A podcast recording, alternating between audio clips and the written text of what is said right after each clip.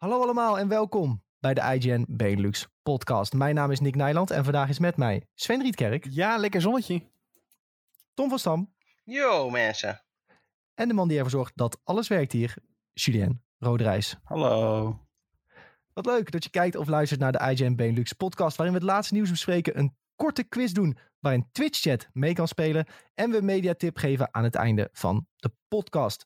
De komende weken worden we gesponsord door Falcon and the Winter Soldier. Dat is de Disney Plus serie waarvan nu de eerste twee van zes afleveringen al online staan.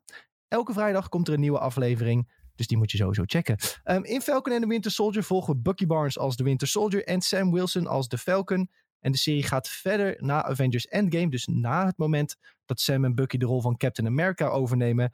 Dat zijn dus flinke schoenen eh, om te vullen. Maar dat maakt de serie des spannender om te zien. En dat hebben we de eerste twee afleveringen al eh, zeker mogen ervaren. Wij zijn al erg enthousiast over de serie. We gaan hem zo zeker nog even bespreken.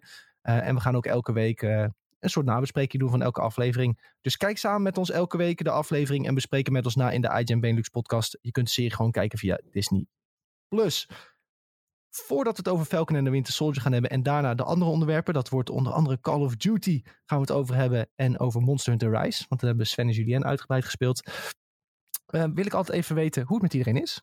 En eh, Sven die zat te genieten van het zonnetje. Dus laten we maar met hem Ja. beginnen vandaag. Sven, hoe is het ermee? Ja, lekker. Ik ben eh, bijna pijnvrij. Dat is vooral het, het lekkerste, denk ik, van deze, dit hele gebeuren. Ik was vorige week natuurlijk afwezig, omdat ik... nou ja, met spoed klinkt het zo heftig, maar eh, het voelde alsof mijn, mijn tand uit elkaar aan het barsten was. Zo, zo voelde het. Dus dat moest even gefixt worden. En eh, gisteren hebben ze echt eh, even de boord erin ge- gejaagd. En nu ben, is het bijna weg. En dat is erg lekker, moet ik zeggen. Dus ja, zonnetje erbij. Lekker buiten een rondje gelopen in het park vanmiddag. Heeft helemaal niks verder met games en zo te maken. Maar het gaat wel, ja, het is wel lekker. Lekker, opluchtingje. Ja. Lekker man, lekker. Nog wat gegamed ook? Of, eh? Eh, Monster Hunter. Eindelijk eh, mogen we het erover hebben. Best wel veel ook. Eh, credits al gezien. Nog, ik moet eerlijk zeggen, nog niet alle monsters verslagen. Ehm, ja, gewoon omdat ik ook één monster heel erg lang heb gefarmd. Omdat ik per se dat wilde hebben. Eh, items en zo. Eh, dat heb ik gespeeld. Ik heb een beetje Pokémon gespeeld afgelopen weekend. Ik heb Formule 1 gekeken afgelopen weekend. Bijna alles wat er werd uitgezonden. Want dat is weer begonnen en dat is toch wel erg, eh, erg leuk. Eh, ook Drive to Survive is inmiddels eh, helemaal gekeken. Dus ja, productief, zullen we maar zeggen. Lekker man. Ja, Formule 1 was wel een dingetje. Daar zag ik de tijdlijn wel even mee volgaan. En ook onze Discord waren veel mensen die eh, toch wel aan het kijken waren. Ja, mooie race. Ik zag het ook veel zo, mensen die kwaad waren dat Max Hamilton weer voorbij moest la- laten gaan. Maar ja, dat zijn Ja, maar regeltjes. ja, gewoon, je mag niet inhalen buiten de baan. Dat staat gewoon in de regels en daar ging het over. Dus hè? Ja, Ja, maar hij zei zelf zo toch van eh, dat hij gewoon had moeten inhalen en dat hij dan wel die vijf seconden goed had kunnen maken. Ja, dat, maar dat is een andere discussie, denk ik. Dat is gewoon het team wat uiteindelijk bepaalt van ja, je moet, het, eh, je moet hem er langs laten. Dan, hij is in ieder geval zo vast dat hij dan naar zijn team luistert en zegt oké, dan laat ik hem er wel langs. Ja. Ja. Ja, ja. Nou, mooie eerste race denk ik in ieder geval voor de, Ja. voor de racefans. Doe de volgende 22 ook maar zo en dan eh, is het een topseizoen. En aan het einde wint Hamilton. Eh, die, ja, nou ja, als het zo doorgaat wel, ja. Eh Sjoe, hoe is het met jou? Ja, gaat best. Eh, ik heb bijna niks eh gegamed eigenlijk. Eh, ik heb wel veel gekeken. Ik heb eh, Bad Trip gekeken van Eric Andre, de nieuwe film. Staat opnieuw op Netflix. En eh, Justice League animatiefilm, de nieuwe Frontier, omdat ik het stripboek had besteld. En ik wil eens even kijken hoe, eh, hoe de film ook weer in elkaar zat. Een hele goede stemmencast ook in die film trouwens. En dat was het Lekker. eigenlijk. Ja, ja. Ik zag dat die film van Eric Andre echt super goed ging. Want eh, hij stond er op één in eh, US Netflix. Had hij getweet of zo? Ja, hij ziet het alleen maar in zijn Instagram stories nou. En ook worldwide gaat hij heel goed. Hij krijgt alleen maar goede ratings. Het is gewoon echt een film die je even lekker kan kijken en jezelf rot lachen omdat het zo fout is wat er allemaal gebeurt. Eh, want het is eigenlijk, het is ook van eh, de makers van Jackass natuurlijk.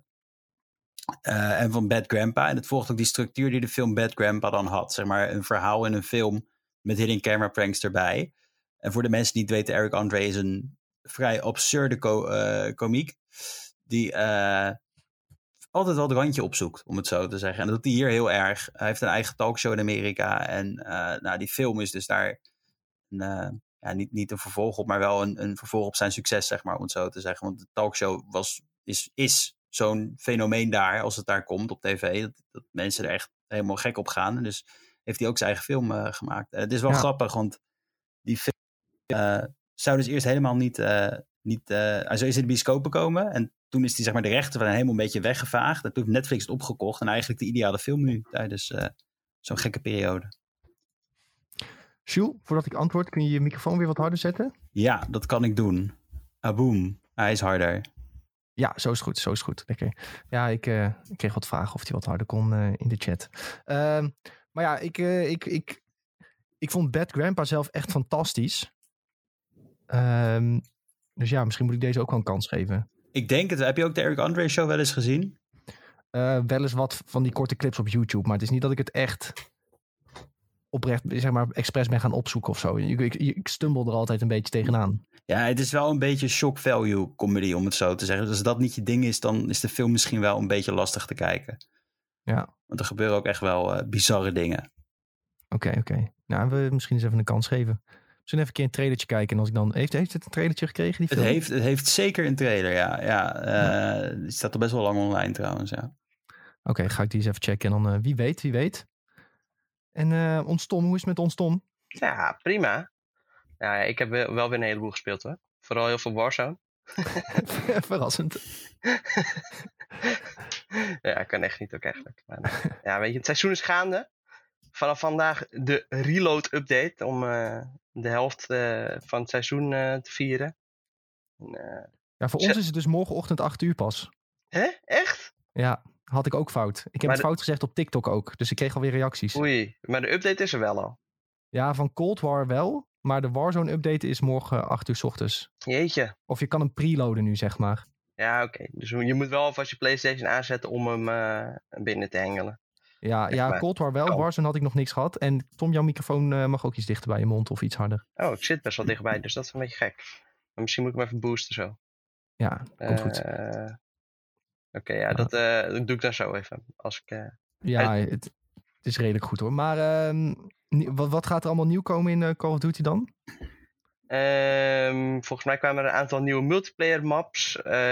Je kon wat dieper gaan in het aanpassen van bepaalde wapens in Cold War. Verder moet ik er nog even een beetje induiken. Volgens mij werd die Outbreak eh, mode werd nog uitgebreid. Ja, wat Dus zombie-geneuzel eh, zag ik ook ja, heel. Een heleboel zombie-geneuzel inderdaad. Dus ja, als je daar geen fan van bent, dan, eh, ja, dan heb je eigenlijk basically pech. Maar eh, ja, voor de rest, eh, die, die nieuwe multiplayer, eh, multiplayer maps, die zijn ook altijd wel, eh, wel prima in Cold War. Ik vind dat sowieso best wel een leuk spelletje om een beetje on the side te spelen. Afgelopen weekend was er dan ook eh dubbel XP en dan speel gewoon even wat potjes in die eh Nuketown map of zo. En Ja. ja. ja, dat is even wat rustiger aan dan, eh dan Warzone in ieder geval. Verder had Ja. ik nog eh, een beetje FIFA gespeeld, Weekend League. Toch eh, even die Gold 1 binnengesleept. Ik ben nog niet op, eh, op mijn oude niveau, maar eh, ja, we, we werken naartoe. Vooral eh, de kwaliteit van mijn team dat nog een beetje achter ligt op, eh, op de rest. Maar eh, dat, daar wordt aan gewerkt. En ik had nog een klein beetje NBA gespeeld, ook nog. Even het casino ingedoken. Nou, toen kreeg je echt super goede Giannis Antetokounmpo kaart. Dat is een beetje de, de Ronaldo van de NBA nu. Dus ja, Zo. daar was ik, wel, was ik wel erg blij mee. Echt een super goede kaart is dat. De Greek Freak. En eh, ik had ook nog een filmpje gekeken. Eh Castle in the Sky. Een Studio Ghibli film.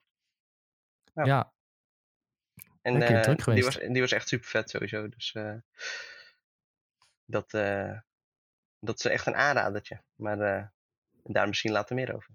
oh, spannend hoor. Maar eh, Ronaldo zelf was niet zo blij dit weekend. Zo, nee, hij werd bestolen door Danny Desmond Makkely. Ongelooflijk. Hij scoorde gewoon. Maar de scheidsrechter, die had zijn bril niet op. Die zag niet dat het een doelpunt was. ja, En, eh, ja, toen werd hij bestolen. Hij was, echt- Verschrikkelijk. hij was furieus. Ja. Ziedend. Ja, dat was, eh, was niet leuk voor hem. nee, nee, nee. Ja, goed, ik, eh, ik heb ook Ja. met open ogen staan te kijken hoe dat gebeurde. Maar goed, eh, hè, Nederlandse scheidsrechters kun je gewoon niet altijd van op aan.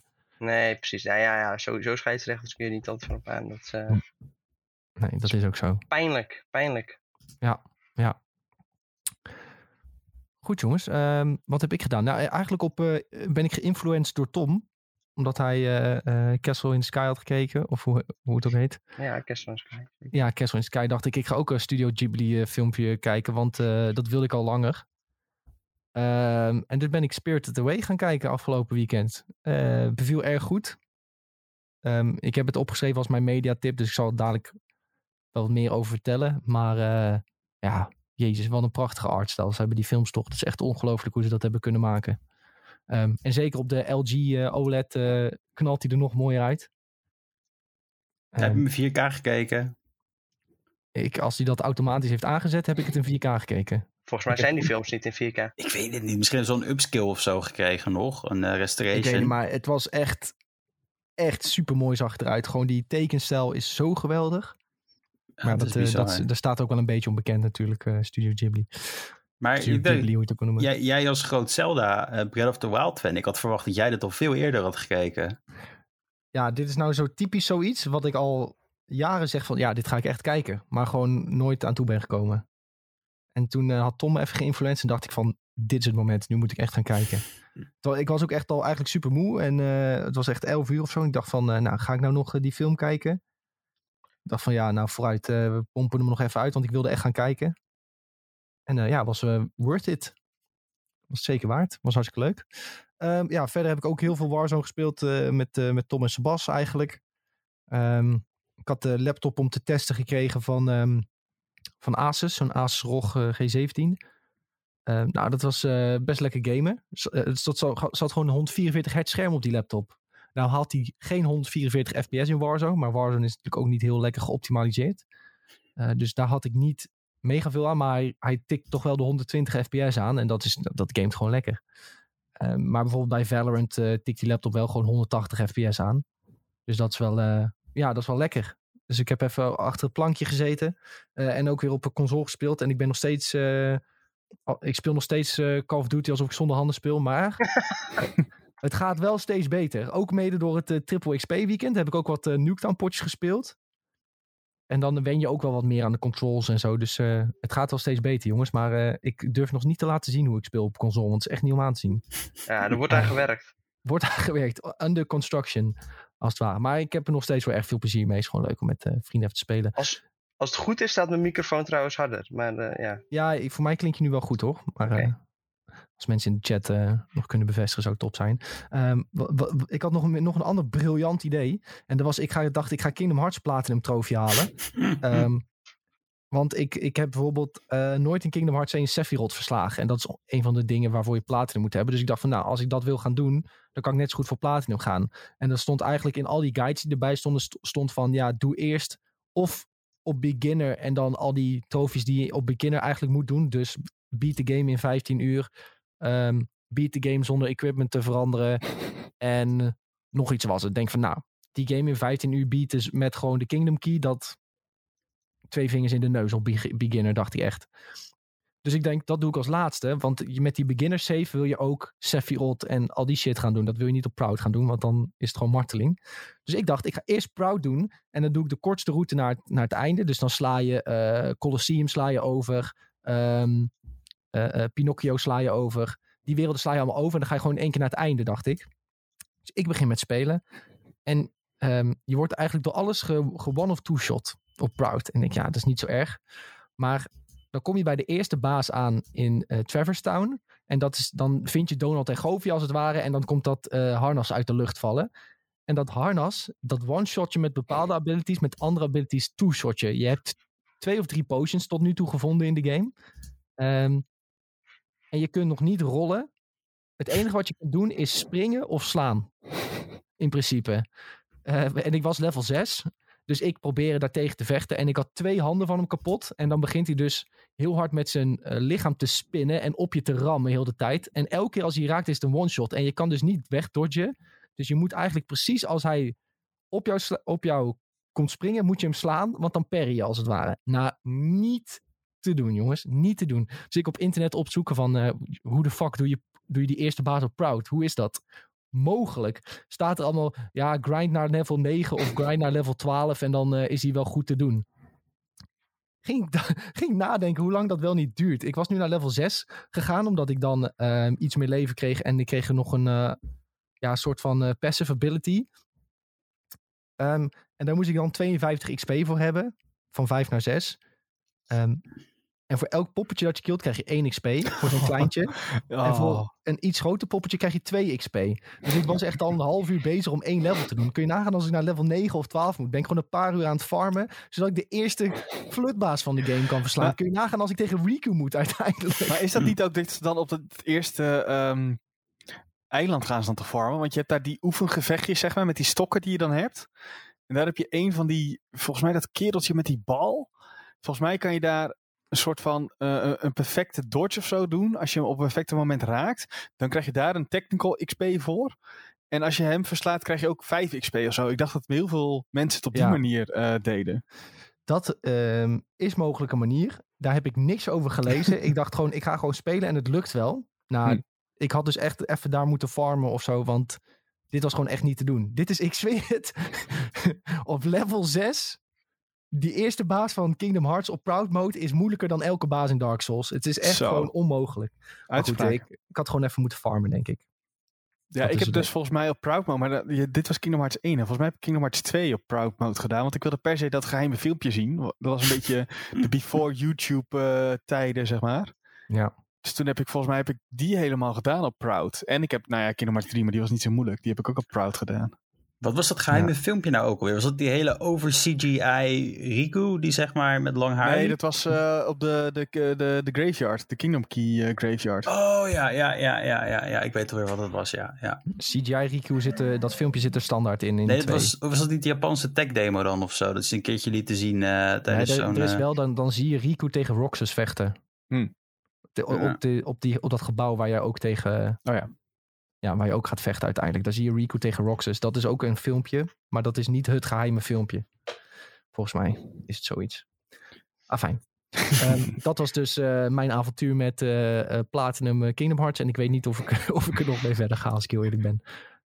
Avontuur is redelijk snel stuk gelopen. Is die game niet ook bijna op PC? Of is die al op PC? Die is volgens mij al... Is die al PC? Weet ik niet. Maar hoezo wil je het op PC Platinum Nee, spelen dan? nee, zeker niet. Ik ga hem echt niet uh, Platinum spelen. Sam Nee, wil het ik- modden. Ik moet die, eh, nee, nee, nee. Ik moet die, eh, die, die DLC nog een keertje uitspelen ook. Van drie of wat? Ja, ja, ja. Ja, dat is wel dat is het zeker waard. Die ja is echt top. doen. Is ik dat droomde echt trouwens waar? vannacht dat ik, eh dat ik eh, The Last of Us 2 had uitgespeeld. Dus dat is, eh, maar dat was echt een droom. ja, dat was echt een droom. Ja, Dat was echt bedrog.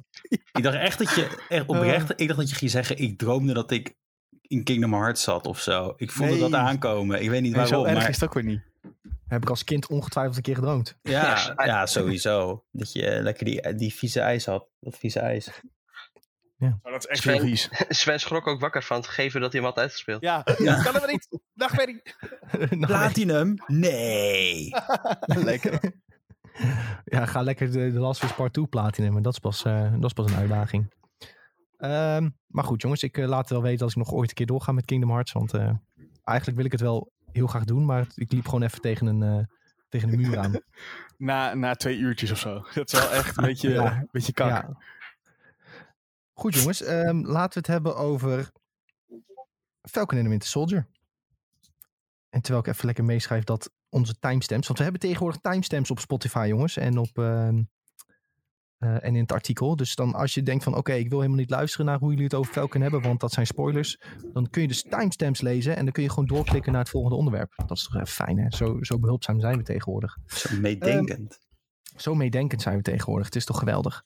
Ehm, goed jongens, laten we het hebben over Falcon en the Winter Soldier. Eh, met name, wat vonden we van de tweede aflevering? Wat hebben we allemaal een beetje gezien? Wat zijn een aantal theorieën? Ehm, voor mij was het eigenlijk een vrij oppervlakkige aflevering. Totdat we net voor het opnemen jullie iets eh, opmerkten en zeiden. Ehm, laten we daar eigenlijk maar mee beginnen. Want dat was denk ik wel het meest opvallende aan de aflevering. Want eh, Bucky en Sam ehm, gaan langs bij iemand. Bij iemand die ook heel sterk is en eigenlijk een soort superhuman is. En die, dat is een bekende. En die heet Isaiah. En nou kunnen Sven en Tom misschien het beste uitleggen wie Isaiah is. En waar mensen hem van kunnen kennen uit de, de MCU-lore. want mij zei het helemaal niks. Maar jullie hadden alweer wat, eh, wat opgevangen. Nou, in het MCU natuurlijk niet. Tenminste, dat moeten we wel even duidelijk we- volgens mij is deze persoon nog niet eerder voorgekomen in de films. Nee, niet In de in, de Marvel films. Comics nee. dan. Ja, ja, en de, de, wel uit, in de comics. En daar was het eh, eigenlijk een van de eerste Captain America's. Hij was eh, de Black Captain America. Dat is eh, ja, heel, heel, hij- kort, heel kort door de bocht. Had hij ook het schild? Of? Nee, hij, heeft dus, eh, hij zegt in de serie op een gegeven moment ook dat hij heel lang in de gevangenis heeft gezeten. En dat komt in de comics omdat hij het schild heeft gejat. Eh, het schild en, schild en het pak van Captain America heeft hij gestolen. En eh, toen is hij in de oorlog gaan vechten in Europa. En toen kwam hij terug en toen zei de overheid, nou, dat was niet zo netjes, dus we zetten je vast. Oké, maar het is nog niet duidelijk of dat verhaal Gestolen, ook ja? dit verhaal is. Ja, hij had het een soort van geleend.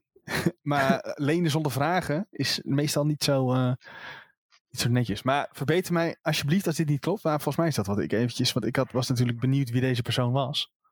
En heb even een snelle Google gegooid. Oh ja. Maar verwa- verwachten we dan dat dit gewoon even een knipoogje is naar de comics? Van hey, comic readers, eh, dit is voor jullie. Of verwachten we dat hij nog een verdere rol zal spelen in de, in de serie? Nou ja, ik vind het een beetje lastig te zeggen. Want er zijn maar zes afleveringen. Dat weten we.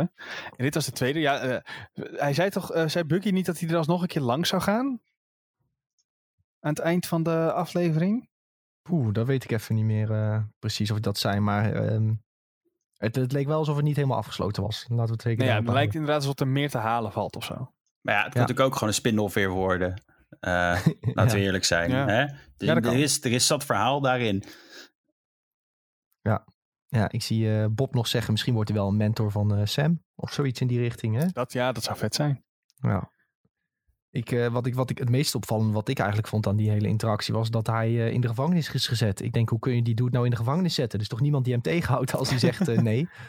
Hij kan zo die tralies ook doorbreken, volgens Ja, mij, als je die krachten Dat hebt. zou je denken, inderdaad. Ja, maar het was Ja. ook, wat, wat ik heb gelezen, was dat dat ook zeg maar eh, solitary was. Dus helemaal eh, eh, eh, in eenzaamheid opgesloten. Oké, ja, zullen ze wel een speciale gevangenis voor hem gebouwd, eh, Ja, misschien wel. gebouwd hebben? Arm kind, arm kind. En hij heeft dus erg lang vastgezeten en daar is hij niet zo blij mee. Ja, Ehm, dat heeft hem eh, best wel kapot gemaakt. Ja, ja. Ja. er, er wordt natuurlijk daarna nog een soort van kleine, kleine verwijzing eh nagemaakt. dat het eh, mogelijk met huidskleur te maken kan hebben. Ja. Aangezien eh, ja, ze, ze lopen dan buiten op straat en dan eh, komen er opeens politieagenten. En dan zeggen ze tegen Bucky van, eh word je lastiggevallen door deze man? Dat is Ja. natuurlijk wel even een, eh, ja, een mooie sneer richting het, eh, het politiegeweld eh, van de afgelopen ja, tientallen jaren.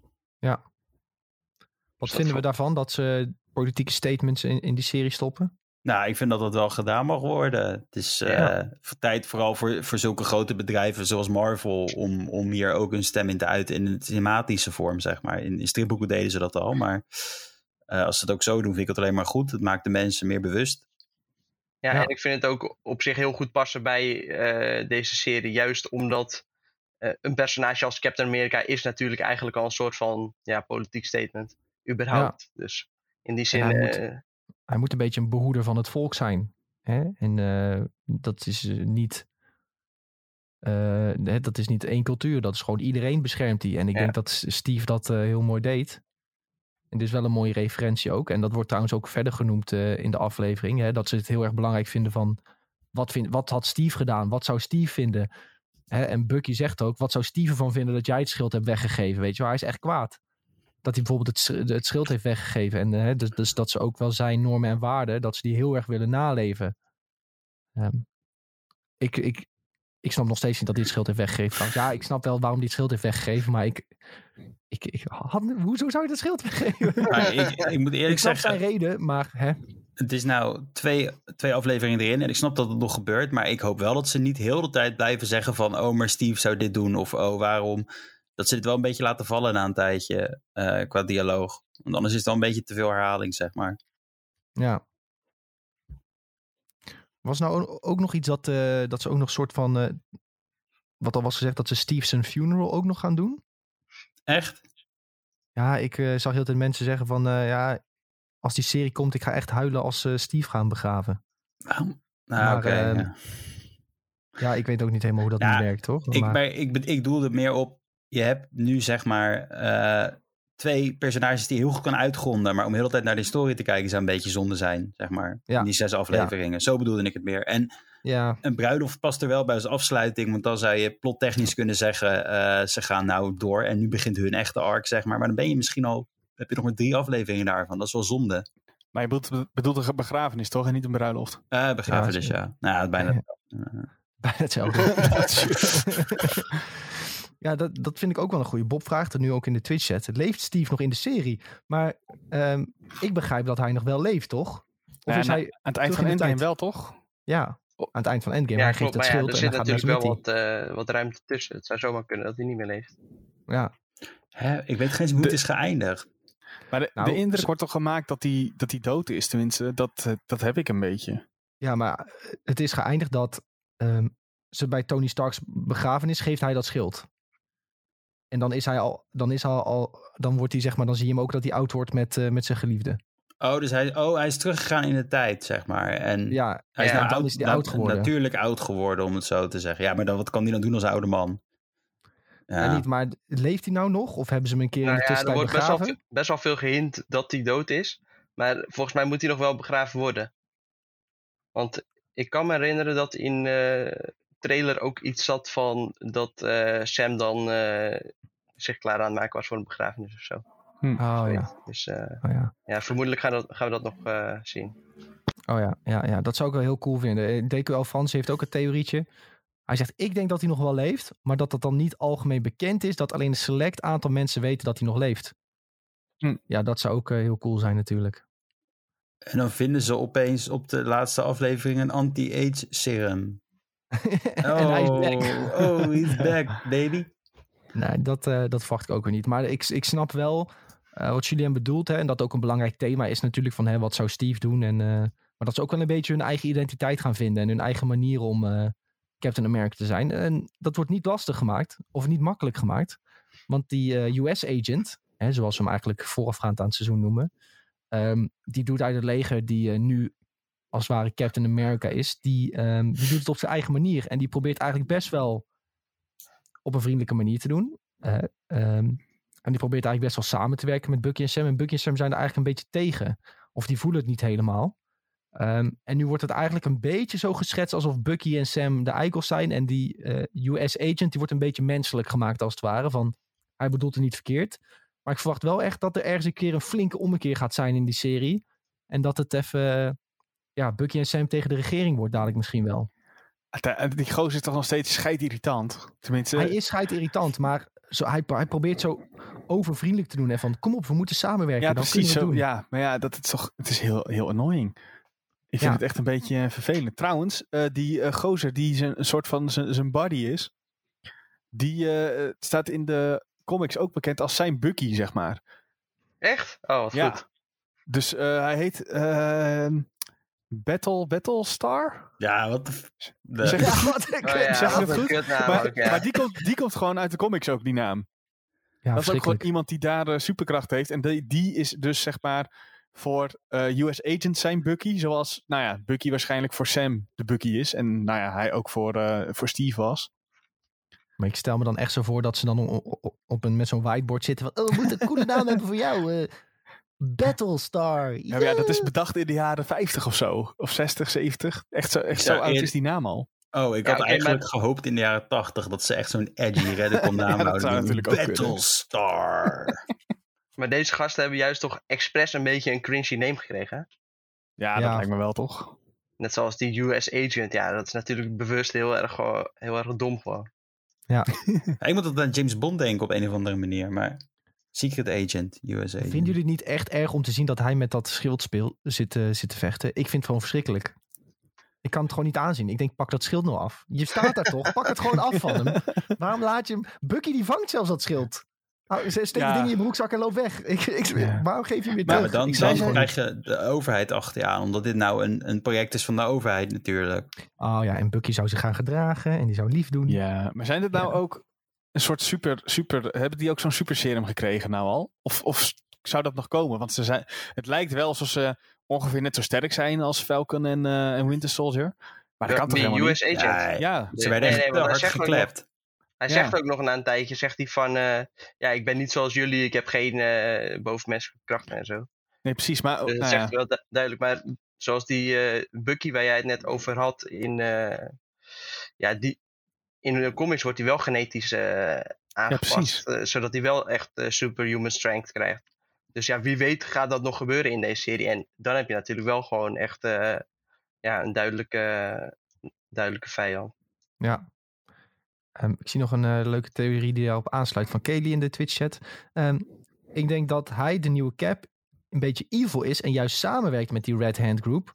Want ze vonden het nogal opvallend dat hij opeens opdook in München. Zo, dit dat is was wel een eh, sterk punt. Was ook eh, heel toevallig. En eh, ze vroegen ook, hè, Bucky en Sam, van eh, wat doen jullie hier opeens? Ja, we hebben overal ogen en oren natuurlijk. Ja. Dan denk je, ja, oké, het was toch logisch. ze, ze trekten hun toch? Ja, via, die, via Red Wing. Ja, wij werden getrekt via government property, om het zo te Maar zeggen. ik vind dat geen, geen slechte gedachtegang hoor. Dat uiteindelijk blijkt dat, eh, dat hij eh, samen met Flag Smasher werkt. Ja, dat hij dan dat serum krijgt en dan wordt hij helemaal ja, lijp, nog lijper, ego trip. En dat, Ja. ja, dan precies. het.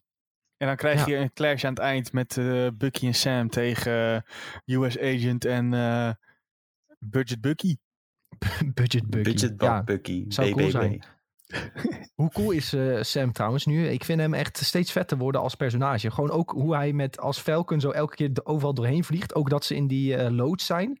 En net voordat ze die trucks achterna gaan, dat hij zo die loods uitvliegt. Het ziet er allemaal zo smooth en eh, lekker uit. Ik eh, begin zijn personage wel steeds toffer te vinden. Sowieso allebei, omdat ze ook worden uitge, uitgediept. En ik vind ook hun interacties samen, zeg maar, eh, als ze in die soort van cel zitten met die, eh, met die psycholoog erbij. Ja. Ja, die, die, je merkt dat zij, zeg maar, buiten het filmen ook goed, tenminste, die indruk krijg je, goed met elkaar overweg kunnen. Ja. Ja, je ziet ook wel in interviews dat ze goed met elkaar overweg kunnen. Ja, ik denk dat ik het vorige aflevering ook zei. Maar eerst had ik gewoon echt niks met deze personages. Ik voelde me vreselijk. Maar nu je meer screentijd hebt en, en dat ze meer uitgewerkt worden, werkt het gewoon heel goed. En, en ik vind het ook gewoon echt leuk, oprecht. Ja, Dus ik vind goed dat ze wat meer tijd krijgen. Ja, dat, dat is het meer. Ik, ik, ik vind iedereen ook steeds inderdaad toffer worden. Eh, ik had eerst zoiets van, ja, weet je, wat is die gast met die vleugels nou? Wat voor meerwaarde biedt dat, dacht ik altijd. Toen ik die films keek. Maar nu heb ik zoiets van, ja, het is een heel tof karakter. Dus weet je, eh, ja, ik ben een groot fan nu. Nice. Nice. Ehm, de Restream eh, eh, extensie trouwens die we nu gebruiken, die zegt opeens dat we offline zijn. Dus als we Dat, Dat klopt even kunnen checken. Nee hoor, ik zie ons nog gewoon op de YouTubes. Ja, zie je ons nog? Ik refresh Ja, hem ook Oh, ja, even. Ja, hij was bij mij wel iets achtergelopen, maar hij doet het nog wel. Oké, nou dan Nee. is de restream aan het, eh, aan het raar doen. Maar dan gaan we gewoon door, jongens. Want ik eh wil nog iets aanhalen. Ja, we hebben nog eh Baron Simo gezien helemaal aan het einde. Dus de intrede van Baron Simo, die gaan we zien volgende aflevering. Dat lijkt me toch wel Ja, even leuk. lekker. Ik vind het eigenlijk wel bijzonder dat we hem nog niet eerder eh, überhaupt Ja. gezien. Dat je hem pas eigenlijk heel laat aan, aan af, aflevering 2 dat je hem ziet. Terwijl je Ja. eigenlijk al weet vanaf het begin dat hij erin eh, zou zitten. Ja, ja, maar ja, goed. Hè, we hebben nog iets van, wat zal het zijn, 3,5 uur aan content om te gaan. Ja, zoiets. Mhm. Ja, dus genoeg, eh, nog genoeg voor Baron Zemo om, eh, om te gaan eh, stoken of whatever. Ik eh, ben wel benieuwd wat ze ook met hem eh, van plan zijn. Dus eh, daar gaan we volgende aflevering weer naar kijken, jongens. Vind je ook niet- vrijdag. Dat het een beetje aanvoelt als een verlengde film. Ja, dat sowieso. Ik vind Ja, dat maar best, ik wel, best wel tof. Ja, dat heb ik dus ook nu. Ik heb het gevoel van eh, bij Marvel films toen vooral aan het, aan het begin dat, dat het zo lang duurde voordat je moest wachten op het volgende deel. Je, je wacht je gewoon letterlijk een week nu en je hebt het. Dus ik vind het wel Ja. heel erg instant eh, eh, gratification. Zo, ja. En toch keek ik deze aflevering dacht ik, ja, even bingen zou nu ook lekker zijn. Ja, Ja. want je, je wil wel snel weer meer. Ja, precies. Bij WandaVision had ik dan wel iets meer van... Oh, iedere week een aflevering is wel lekker. Maar hier Ja, heb ik van...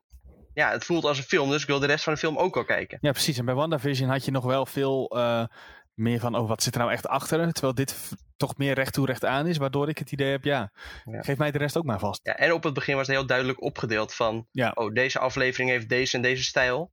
En hier is natuurlijk gewoon... Ja, het past allemaal binnen, binnen één straatje. Mhm. Dus in, in die zin denk je van... Oh, ik wil eigenlijk gewoon weten wat gaat gebeuren nu. Ja, heb ik ook wel hoor.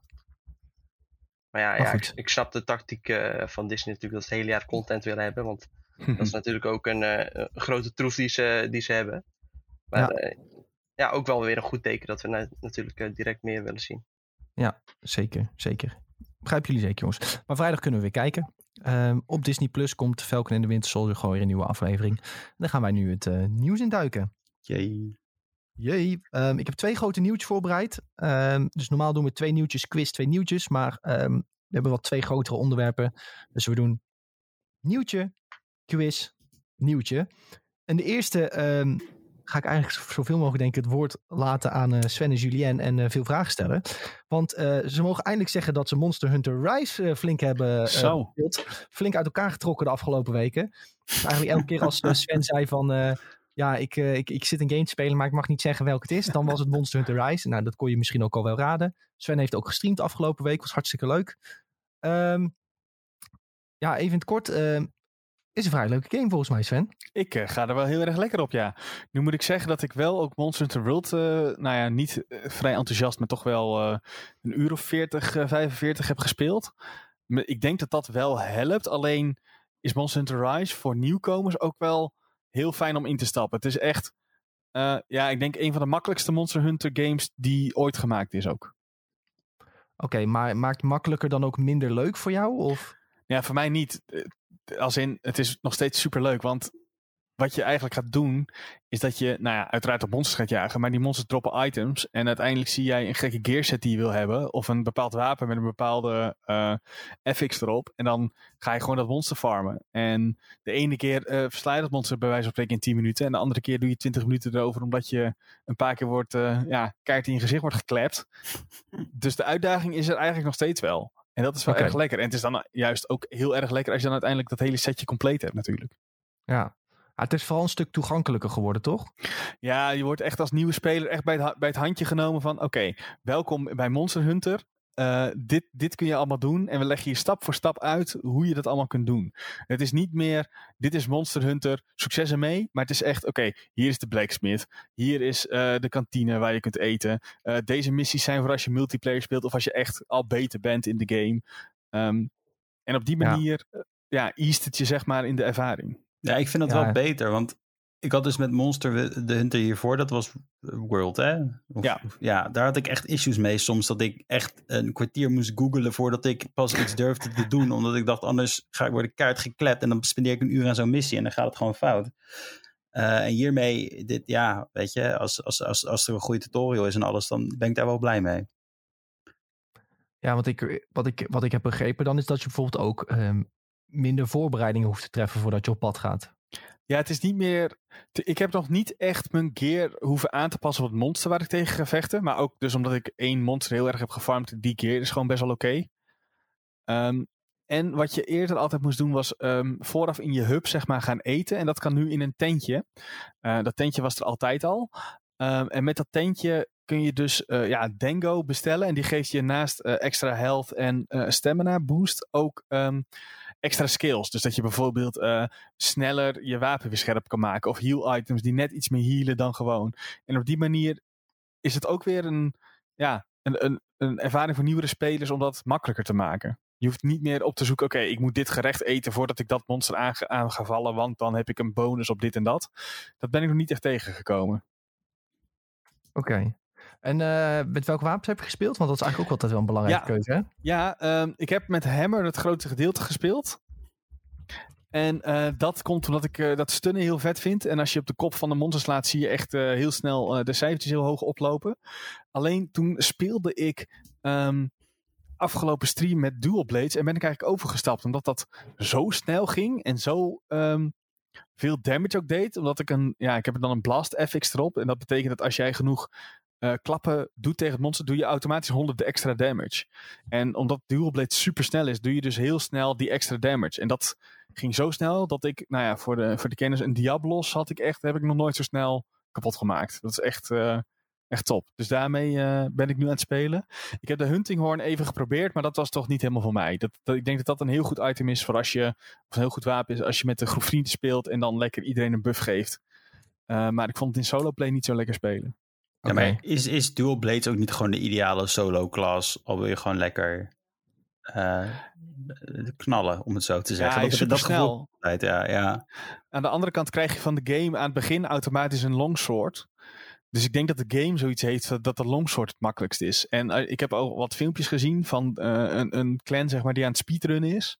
En die gebruiken ook longsword. En dat is echt niet leuk. Dat is echt, eh, echt insane wat die, al, wat die al kunnen, zeg maar. Echt monsters in twee minuten verslaan. Waar je, ja, en in, ik voor duidelijkheid, normaal doe je ergens tussen de, eh, laten we zeggen, 10 en 20 minuten over, je, over een monster voor de allereerste keer. Ehm, en ja, zij doen het in twee- 2,5 minuut en dat is echt debiel. Maar eh, ja, Longsword denk ik is dan misschien voor eh, echte nieuwkomers helemaal het, het, het fijnst. Maar ja, ik vind een hamer gewoon, eh, gewoon chill. En dus die dual blades, die, die hebben Ja. mij eh, wel, eh, wel overwonnen in deze Ja, game. ik heb in de demo volgens mij heb ik een rondje langswoord gedaan toen. Mhm. Maar dat is inderdaad echt eh, hoe ik het ervaarde. En misschien heb ik dat ook verkeerd omdat ik niet een, een pro ben hierin. Maar dat, je, dat het echt een beetje tactisch nadenken is. En een beetje gevoelsmatig van, oh, komt die nou op me af? Dan moet ik een stap naar achter doen. Want die, die charge is gewoon te lang. Mhm. Van, van die soort. Maar als je hem dan eenmaal hebt en je klept hem ook. Dat het echt gewoon echt gigantisch lekker aanvoelt met zo'n langswoord. Ja, volgens mij is het met longsword heel goed eh, eh, combineren van aanvallen. En je hebt die verschillende stances. En daarmee kunnen ze heel veel damage doen in combinatie met die wirebug. eh die Oh. aanvallen. Want dan spring je zeg maar met je wirebug omhoog. En dan doe je een soort, ja, bij, ik wil bijna zeggen een anime-stijlachtige aanval naar beneden. En dan land je ook echt en dan zie je een, een halve seconde met een halve seconde vertraging alle damage in beeld komen. Echt met zo'n zo'n vertraging. Holy nee, Ja, dus dat is wel vet. En dat, ja, hetzelfde heeft hij als je een soort, ja, een, een, een ja, eh, als je het wapen zeg maar uit zijn, eh, zijn holster, heet het zo, pakt en dan dwars door een monster heen gaat, echt, echt zo anime zeg maar. En dan zo'n pose aanneemt en dan achter je die damage ziet eh, optellen. Dat is, eh, dat is een beetje longsword. Dat is wel heel, ja, ik, ik, oeh, mijn handen jeuken, om het zo te zeggen. ja, ik wil ook eh, eigenlijk weer gaan spelen, maar ik eh, zal nog even blijven hangen. We gaan gewoon En, tijdens eh, de podcast zetten met aan, Sven. Nee, kan echt niet.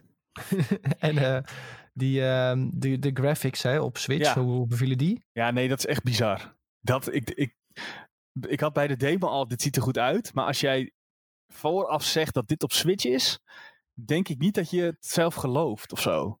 Het is echt zo bizar mooi. Voor een Switch Ja. game, moet ik er dan wel bij zeggen. En ik kan stiekem, ja, hij is nu natuurlijk uit op Switch, maar hij komt volgend jaar naar PC. Eh, nou, dat wordt, eh, wordt, dat wordt smullen.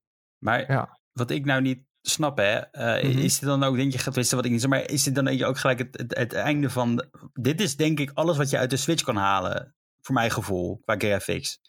Toch? Ja, je zou bijna zeggen van wel, maar vooral die tussenfilmpjes zijn, het, het, het werkt in eh de Resident Evil engine. Ja.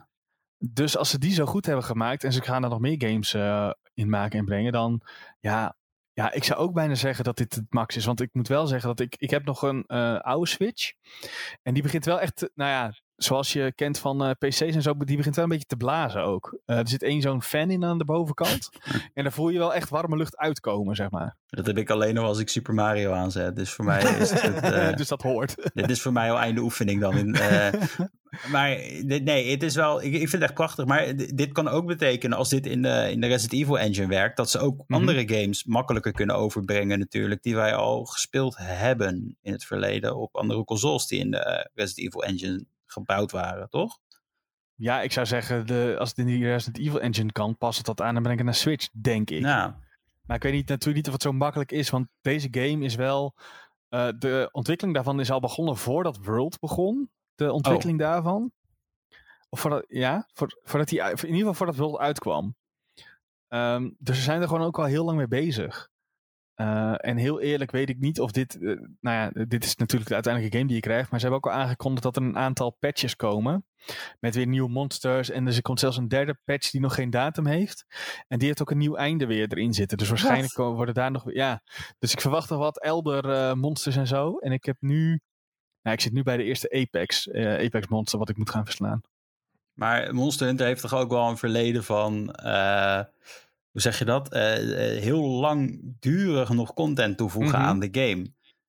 Dus in feite, als je er nou op inspringt, dan heb je gewoon nog eh, heel lang nog de services, zeg maar, van, een, hè, van, een, Ja, van, sowieso. van die game. Want als je kijkt naar World, die kreeg eh, eh, nog uitbreiding Iceborne natuurlijk. En volgens mij heeft hij sowieso nog twee jaar na release steeds updates gekregen. Moet iemand mij verbeteren als het niet klopt hoor. Ik zou het niet weten. Dat. Maar die kreeg gewoon echt heel regelmatig nog eh, nieuwe updates, ja. Ja, en soms die gekke crossover met andere Capcom games. Dat doen ze natuurlijk ook nog wel graag. Ja, en met, eh, op PlayStation hebben ze natuurlijk eh, een eh, Horizon Zero Dawn crossover gehad. En een Mega Man crossover is er geweest. Ja, dat, weet ik, dat zag er zo Ja, bizar uit. Ja. Dus misschien komt er wel een Mario crossover of zo. Of een Pokémon crossover. Dat zou vet zijn. Dat je tegen een gigantische Venusaur... Ja, was er niet al eerder een Mario crossover Zo. voor Monster Hunter trouwens? weet ik eigenlijk het- niet. het- De Mario hoedjes op zo'n palico komen er heel Oh, nee. raar bekend voor. nee, wil ik niet. En ehm, ja, sorry hoor, terwijl jullie lekker doorgaan. gooi ik af en toe een vraag tussendoor. Maar ehm, en die, die portability van de Switch, hè, dus dat je hem Ja. overal mee kan Mhm. dragen. Heeft dat echt iets toegevoegd voor jou? Of, Ik moet eerlijk zeggen dat het... Ik vind het schermpje stiekem te klein als ik een portable speel. oké, Want ik heb, ik heb het inmiddels wel eh, gedaan ook. Alleen dan ben je echt al een beetje aan het turen. Eh, en ik eh, speel het liefst met een pro-controller deze game. Ehm, nu is dat geen probleem natuurlijk als je hem eruit uit de docking station haalt. Maar ik had qua beelden en zo ziet het er, zie je eigenlijk geen verschil. Tenminste, ik had niet zoiets eh, in portable dat ik dacht van wow, dit is lelijk opeens. Maar ik merkte wel dat het allemaal, de hoeveelheid informatie die je op je scherm hebt, is eigenlijk bedoeld voor een, voor een tv-scherm. Of een, nou, in ieder geval een monitor op zijn minst. oké. Nou, dat is wel goed om te weten, denk ik.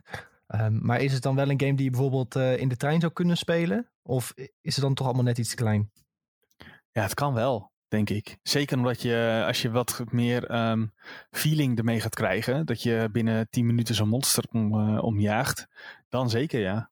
Oké. Alleen, ja, wat ik zeg, als je zeker, ik denk als je Huntinghorn speelt, dan is het echt wel, is je scherm wel heel vol. Ja, en ik zou dit Ja. niet durven te spelen in handheld mode. Want ik ben gewoon bang dat ik mijn Switch gewoon door de trein zou gooien dan of zo. Al gaat het verkeerd. Eh, gewoon als het, eh, ja, Als het, als het fout gaat. En dat je dan Oh. een, een half uur bezig bent met iets en dat fout gaat. Dan krijg je Ja. gewoon echt zoiets van... Ja, ik, ik heb ook één rage quit gehad. Want je hebt een soort speciale quest, zeg maar, zodat je je hunting je hunter ra- rank omhoog kan krijgen. Ja, en die ging bij de eerste, dan moet je drie monsters achter elkaar verslaan. En bij het eerste monster ging ik al af. En toen dacht ik, ja, ik krijg de kloot maar met deze, met deze missie. En toen heb ik even, even een, een momentje voor mezelf gepakt. En toen eh, ging het wel weer. Maar ja, het, het kan af en toe, eh, krijg je... Het is, het is niet zo dat, het, dat je, als je een klap krijgt, dat je in één keer doodgaat.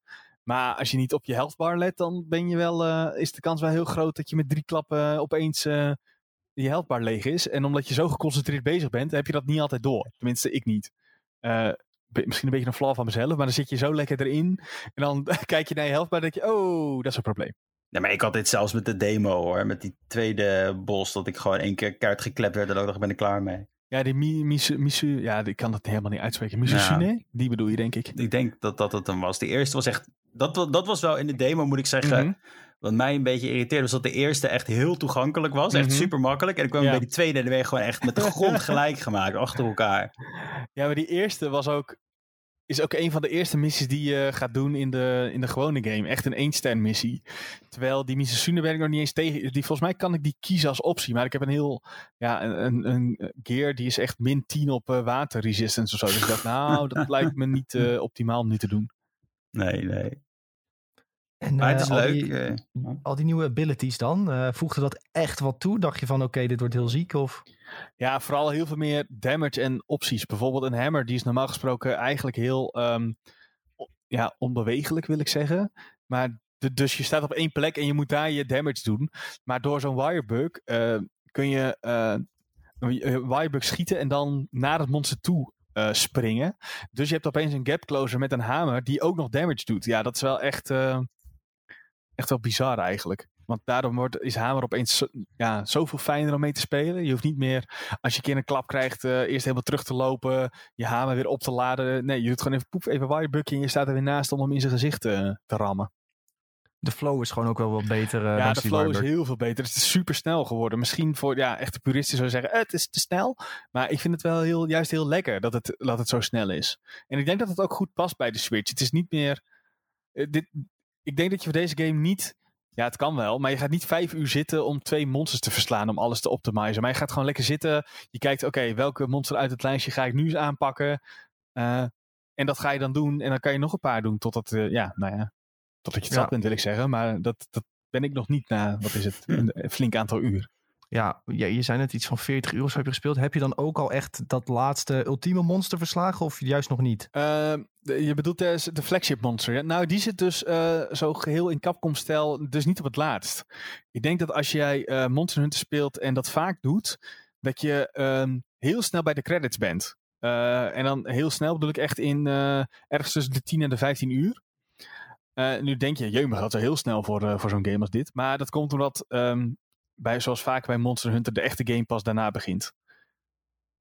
Dus ja, je, hebt, je hebt dan het, eh, het flagship monster heb je dan verslagen. Maar je bent nog zeker nog niet eh, bij het einde. Dus ik ben nog niet bij het einde. Ehm, ik weet toevallig dat onze reviewer, eh, Rick Otte, die had 28 uur nodig om alles te verslaan. Ehm, nu moet ik daarbij zeggen dat dat eh, ver onder gemiddeld is. En hij, hij is ook wel echt de Monster Hunter guy bij ons op, kan- op kantoor eigenlijk. Eh, en dat er eigenlijk, eh, als je alles wil spelen, ongeveer 50 uur voor staat. Oké. Ehm, en nu zit ik niet aan de 40 uur, dat was de andere Monster Hunter. Maar oh, eh, excuus. oh ik heb hier, de- ik dacht ik pak mijn Switch even bij, maar die heb ik nog eh, in mijn draagtasje liggen. Ehm, maar ik zit nu denk ik ergens tussen de 25 en de 30. Zoiets. Jezus. Oh, ja. In een weekje, hè? En Nee, iets meer hè, iets meer hè Tom. geen, geen tijd om Last uit te spelen. Ja, die speelt er niet uit inderdaad. Dat is, eh, Nee, ik moet nu eerst Monster Hunter uitspelen, ja. Dit, maar dit is, dit, is dus weer, dit is weer waar we vaker over hebben. Dit is een game dat je eigenlijk zelf bepaalt wanneer je het uitspeelt. Zeker als er straks weer updates komen met nieuwe monsters en dat soort dingen allemaal. Het is toch even lekker als jij ziet op je, in je hele wapentree dat je ziet... Ah, kak, ik mis nog één item van dat monster en dan heb ik deze gekke, gekke, nieuwe, dit, gekke nieuwe dual blades. Ja, dan ga je toch nog even een keer dat monster proberen te verslaan. En uiteraard dropt dat ding dan niet. Eh, dus doe je nog een keer. En nog een keer. En nog een keer tot die eindelijk dropt. En dan heb je het wapen. Dan denk je, nice, ik heb het wapen. En dan ga je kijken naar het volgende. het is net een MMO, hè? Ja, eigenlijk wel. En dat is een beetje de gameplay loop waar ik heel goed op ga. En dat past beter bij mij dan een, een Last of Us, waar we het eh, vaker over hebben gehad. Maar heb, dus kun je ook wapens vinden. maar, eh, heb je, ik weet nog dat dat met eh, World, eh, ja, World zo was. Mhm. Dat ik, ik heb dus, eh, ik, ik vond dat ik best wel veel uren had gestoken op de PlayStation. Waarschijnlijk Mhm. niet- helemaal niet zo als ik terugkijk. Maar toen heb ik het op de Xbox stond op de Game Pass. En toen kreeg ik opeens heel die armor set, die eigenlijk best wel OP was, kreeg je al gewoon in één keer. Bouw je daar dan niet van? Al, al kan dat nu ook gebeuren dat je weet van, ik heb misschien 60 uur in die game gestoken voor deze armor set. En, maar ik had het ook gewoon kunnen krijgen als ik wachtte eh, Maar- voor een half ja, jaar. maar volgens mij hebben ze dat toen gedaan omdat die Iceborne DLC uitkwam. Zodat iedereen meteen die Iceborne DLC kon spelen. Oké. Want dat was inderdaad meteen zo'n alpha eh, outfit die inderdaad eigenlijk pas helemaal aan het eind van de game krijgt. Maar nee, dat heb ik niet. Ik zou niet nu hebben, als ik dat gratis erbij zou krijgen, dat ik denk van, oh ja, shit, maar ik heb net zo mijn best gedaan. Nee, want ik heb nu toch plezier van die game met het verzamelen van die gear. Dat is waar, dat is waar. Willen jullie nog iets kwijt over Monster Hunter, jongens? Anders gaan we door. Eh, als je een keer met eh, mij wil spelen, kom in de Discord, want dan gaan we een keer samen spelen. Ik- Ja, dit, is eigenlijk, fout. dit is eigenlijk, ik zoek vrienden. Ik zoek vrienden. Nee, dat valt wel mee hoor. Maar nee, ja, nee, weet je, het is wel. ehm, het kan best wel een overweldigende game zijn. En als je hulp nodig hebt, dan eh, ben je altijd goed bij ons, denk ik. Kun je gewoon met ons meespelen. Hartstikke leuk eh, idee, Sven. Ehm, jongens, we gaan door met eh, de quiz van de dag. En eh, we gaan het zo meteen over Call of Duty hebben. Dus ik heb een Call of Duty quiz voor jullie voorbereid. Ehm, ja, eigenlijk zou je dat Sven een keer een quiz gaat voorbereiden. Maar ja, ik dacht, die jongen had het zo druk vanochtend. Ik zeg, ik ga me niet meer opzadelen. Ja, heel goed. Ik eh, plaats een linkje in de Twitch chat www.kahoot.it. En daar moet je de volgende gamepin aan toevoegen. Dat is 4125514. En als je die dan invult, dan kun je meedoen met eh, de Call of Duty quiz. Ik heb wat leuke Call of Duty vragen verzonnen, denk ik. Ehm, een leuke mix van eh, moeilijke en makkelijke vragen, denk ik. Het zijn weer vijf vraagjes. Je hebt een minuut tijd om te antwoorden. Maar hoe sneller je antwoordt, hoe meer punten je krijgt. Ehm, dus eh, kom allemaal lekker in de chat. Lekker in de chat. Ik heb het ook op YouTube even geplaatst trouwens. Oh, wat goed. Oh ja, Voor de mensen ja ik, kan, ik kan zelfs met dit nieuwe programma... Ja jongens, we een heel nieuw programmaatje hebben dat we kunnen restreamen. Kan ik het naar allebei tegelijk sturen, mocht dat nodig zijn. Poh, Ja, handig hoor. de techniek van tegenwoordig. hè. De techniek van tegenwoordig. Dit is mijn, Kahoot, ongelooflijk. eh, mijn Kahoot laat nog even. Dus, Oké, ja, ik eh, wacht nog wel even een half minuutje of zo hoor, voor mensen die erbij komen. En dan eh, gaan we gewoon lekker beginnen. de hamsters. de Call of Duty quiz. Als jij eh, een veteraan bent, dan weet je de vragen wel, denk ik. Wie had er ook weer vorige week eh, gewonnen? Ja, dat was jij voor de eerste keer. eh. Het was niet voor de eerste keer trouwens. Dat was volgens mij al de tweede keer. Oh. Nou, het was wel, je had wel gewonnen dat je de vorige week een eh, dikke range had Ja, gezet. ja, dus, eh, zeker. zeker. Ik hoop weer op een rage. Dat, die, die zijn top. Ja, Tom kleine die Tom boos rage. wordt op, op de vragen. Dat is echt... eh, Oh, ik wilde al op start drukken en er komen nog twee mensen bij. Oh, Hartstikke gezellig, jongens. Nou, bedankt dat jullie meedoen met de quiz. Ik ga op start drukken. Een Call of Duty quiz. Mensen zeggen altijd op TikTok dat ik Call of Duty verkeerd uitspreek. Kille Daddy. Call, Call of Duty. Kille Ik druk op start, jongens. We gaan beginnen. Als het goed is, zien jullie het ook op je scherm. En ik lees ook de antwoorden voor de Cold Quiz. Dit gaat wat worden, zegt Bob. Ja, Bob is een Call of Duty speler, dat weet je. Vraag 1 van 5, jongens. Wanneer kwam de eerste Call of Duty uit? Welk Oh, jaar jemig. was dat? Was dat 2003, 2004, 2002 of 2005? Rood 2003, blauw 2004, geel 2002 of groen 2005. Er wordt niet gegoogeld, dames en heren, jongens en meisjes. Shit. Er- Nee, ik heb gedrukt. als je googelt op Call of ik, ik kan je beloven, als je googelt op Call of Duty, is niet het eerste wat je krijgt de allereerste Call of Duty ooit. Kun je nog één keer de... Rood 2003, blauw 2004, geel 2002, groen 2005. Ja, ik denk ik mix even wat op die cijfers om het lastig te maken. Ik had moeten Jezus. gaan voor de, voor de Tom-tactiek, denk ik. Hoe lang hebben we nog? Tom is aan het googelen. Nee, nee, ik zweer. Maar ik, nee.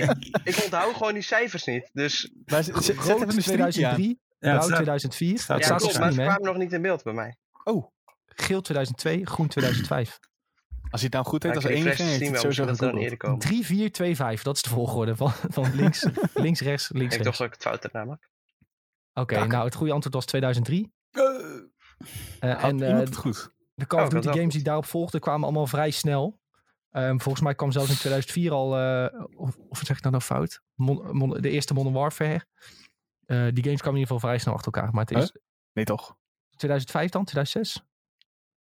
Maar je had al col- je had COD 1. Je had COD 2, je had COD 3. En ja. die kwamen heel snel achter elkaar. Nou, echt binnen een jaar, ja? Hm. Of ja, tenminste eh, misschien eh, drie jaar achter elkaar direct. Boom, boom. Het zijn er allemaal dezelfde games, joh. Het is alleen maar Ja, één, één veranderingetje per game. Het is net FIFA. COD 2 was ook echt eh, briljant trouwens. COD 2 is echt legendarisch. Zo, COD 2, eh, zoveel planparties gespeeld? Ja, fantastisch. Ehm, goed jongens, twee mensen hadden het antwoord goed. Ik niet. N- Wie heet Nick Simp? Waarom zie ik dit nu pas? Dat is sowieso Julien. Dat is sowieso Julien, ja. Die kwam als laatste stiekem bij. Vraag 2, jongens. COD 4 die had een speciale mod die de game aanpaste Oeh. naar een soort CSGO-ervaring. Oh, Wat jemig. was de naam van die mod? Is dat rood CSGO-mod? Is dat blauw Clean mod? Is dat geel Pro mod? Of groen Gun mod? Hoe heette de mod van COD 4 waar ook toernooien op werden gespeeld? Hoe heette die mod, jongens? Dat was een speciale mod. Die werd door. Nou, het grootste deel van de community speelde eigenlijk die mod. Met name op PC dan. Hè. Op console werd dat niet, eh, kon dat niet. Was dat de CSGO-mod, de Clean mod, de Pro mod of de Gun mod? En ik heb dit doodgespeeld. Duizenden uren heb ik dit gespeeld. En ik, ik weet zeker dat er mensen zijn die dit weten. Want het laatst in de Discord ging het nog over deze mod. Echt, ik heb dit totaal gemist. S- Sven nu snel naar Discord. Snel. ja, nee. Nee. En eh, ja, mensen nemen lang tijd om te antwoorden, jongens. Normaal wordt er altijd Iemand is weer snel aan het zoeken. Iemand is weer aan het zoeken. Wordt COD 4 gegoogeld. Als je zoekt op COD 4 mod, dan ongetwijfeld dat het het eerste antwoord is. Er worden nu weer toernooien opgespeeld zelfs trouwens. Ja, ja, zelfs door landen. Nederland tegen Duitsland en zo. De beste spelers. Maar en zes 4? mensen wisten het. Het is pro-mod. hey, ik kan nog goed. Nice, weer Waarschijnlijk- Was het een gokje, Sven? Het was zeker... Nee, ja, ik, ja, een gokje omdat ik dacht dat, dat het de rest het niet was. Ik, weet, ik wist dat het Gunmod niet was. Ja. Dat is toch gewoon Gun Game? Die bestaat wel, toch, die mod? Ja, ik, had- ik had gunmod verzonnen als gun, omdat ik gun game bestaat. Eh, Nee, maar ik maar weet ook dat die mod wel bestaat goed voor, eh voor COD 4 ook. Misschien, ja, ja, goed. zeker. Gun Ja. game bestaat ook. COD 4 had heel veel eh, van dat soort dingen. Je had ook ehm, op, op, van CS heb je toch ook dat mensen allemaal zo glijden over constructies en dan moeten springen op het juiste moment. Dat had je ook in COD 4 Oh, echt? en dat je moet Oh, klimmen, klimmen op ja, in zelfgemaakte levels en eh, speciaal moest streven en zo. Streefmod heet Hmm. dat. Er was ook een gigantische ehm, Star Wars mod voor de COD 4. Ja, klopt. Heb ik ook gespeeld. Echt fantastisch was die ook. Ja, ja. Wat een game, hè? Oh, jongens, dat is de beste shooter ooit gemaakt. Je hoort het hier first. Zo, Zo. Ehm, dit zijn Pro-mod was echt zo goed. Ik heb eh, ja, toernooien zelfs gespeeld. Ik zou eerst ook meedoen met dat toernooi in Friesland. Oh ja. Maar ja, toen kwam ik achter dat je, je- dat je je eigen computer mee moest nemen. Ik dacht, ja, hoe ga ik mijn eigen computer meenemen naar Friesland? Ik was 17, weet je wel. Ja, hoe kom ik Op daar? fietsje. Op fietsje, ja. nee, maar anders had ik daar nog wel meegedaan. Maar dat was echt... Nou, dat is Mijn de, re- leven de dat. reality is dat, denk ik. ja, de reality was dat inderdaad, ja. Wilde mijn team toen aan mee gaan doen. Hm. Er was nog een dude die in mijn team zat. Er was een sniper, die heette Rutger. En die ben ik toen echt jaren later tegengekomen in, eh in Blanes op eh, stappen op een zuipvakantie. Ik zag hem lopen. Ik zeg, Rutger, dat ben jij of niet? Hij zegt, weet je wat hij zegt? Hey, Quixo. Hij herkende mij ook meteen. Hij herkende mij ook meteen. Was eh ja, hilarisch. Meteen man. laptopjes opengeklapt. Verder niks meer gedaan die vakantie. Nee joh, ik zat eh frietjes te eten. te eten. Wat denk jij nou? Jongens, we gaan door naar vraag drie. Oh, even kijken wie er bovenaan staat. Nog steeds eh Julien. Dat ben ik niet. Dit, dit keer ben ik het echt niet. Jij bent wel niks in. Nee, jongen. ik zweer het. Ik ben het niet. Ik zweer echt waar. Oké, nou we gaan door naar het volgende. Vraag 3. In welke game was voor het eerst Akimbo beschikbaar?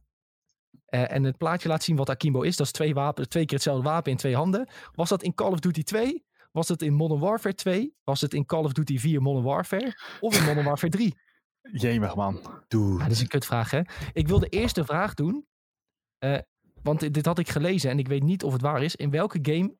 eh, in welke games heet het eh, Akimbo en in welke niet? Nou, dat is nog erger. Blijkbaar is het zo. In Black Ops heet het gewoon dual wield. En dan Oh. noemen ze het niet Akimbo. En in de Modern Nou. Warfare series noemen ze het wel Akimbo. Dus eh, ja, dat was nog een kuttere vraag geweest. Die had ik eerst staan. Dus ik dacht, eh, in welke game was voor het eerst beschikbaar? En ik denk dat veel mensen denken dat het Modern Warfare 2 is. Dat denk ik. Dat mensen dat denken.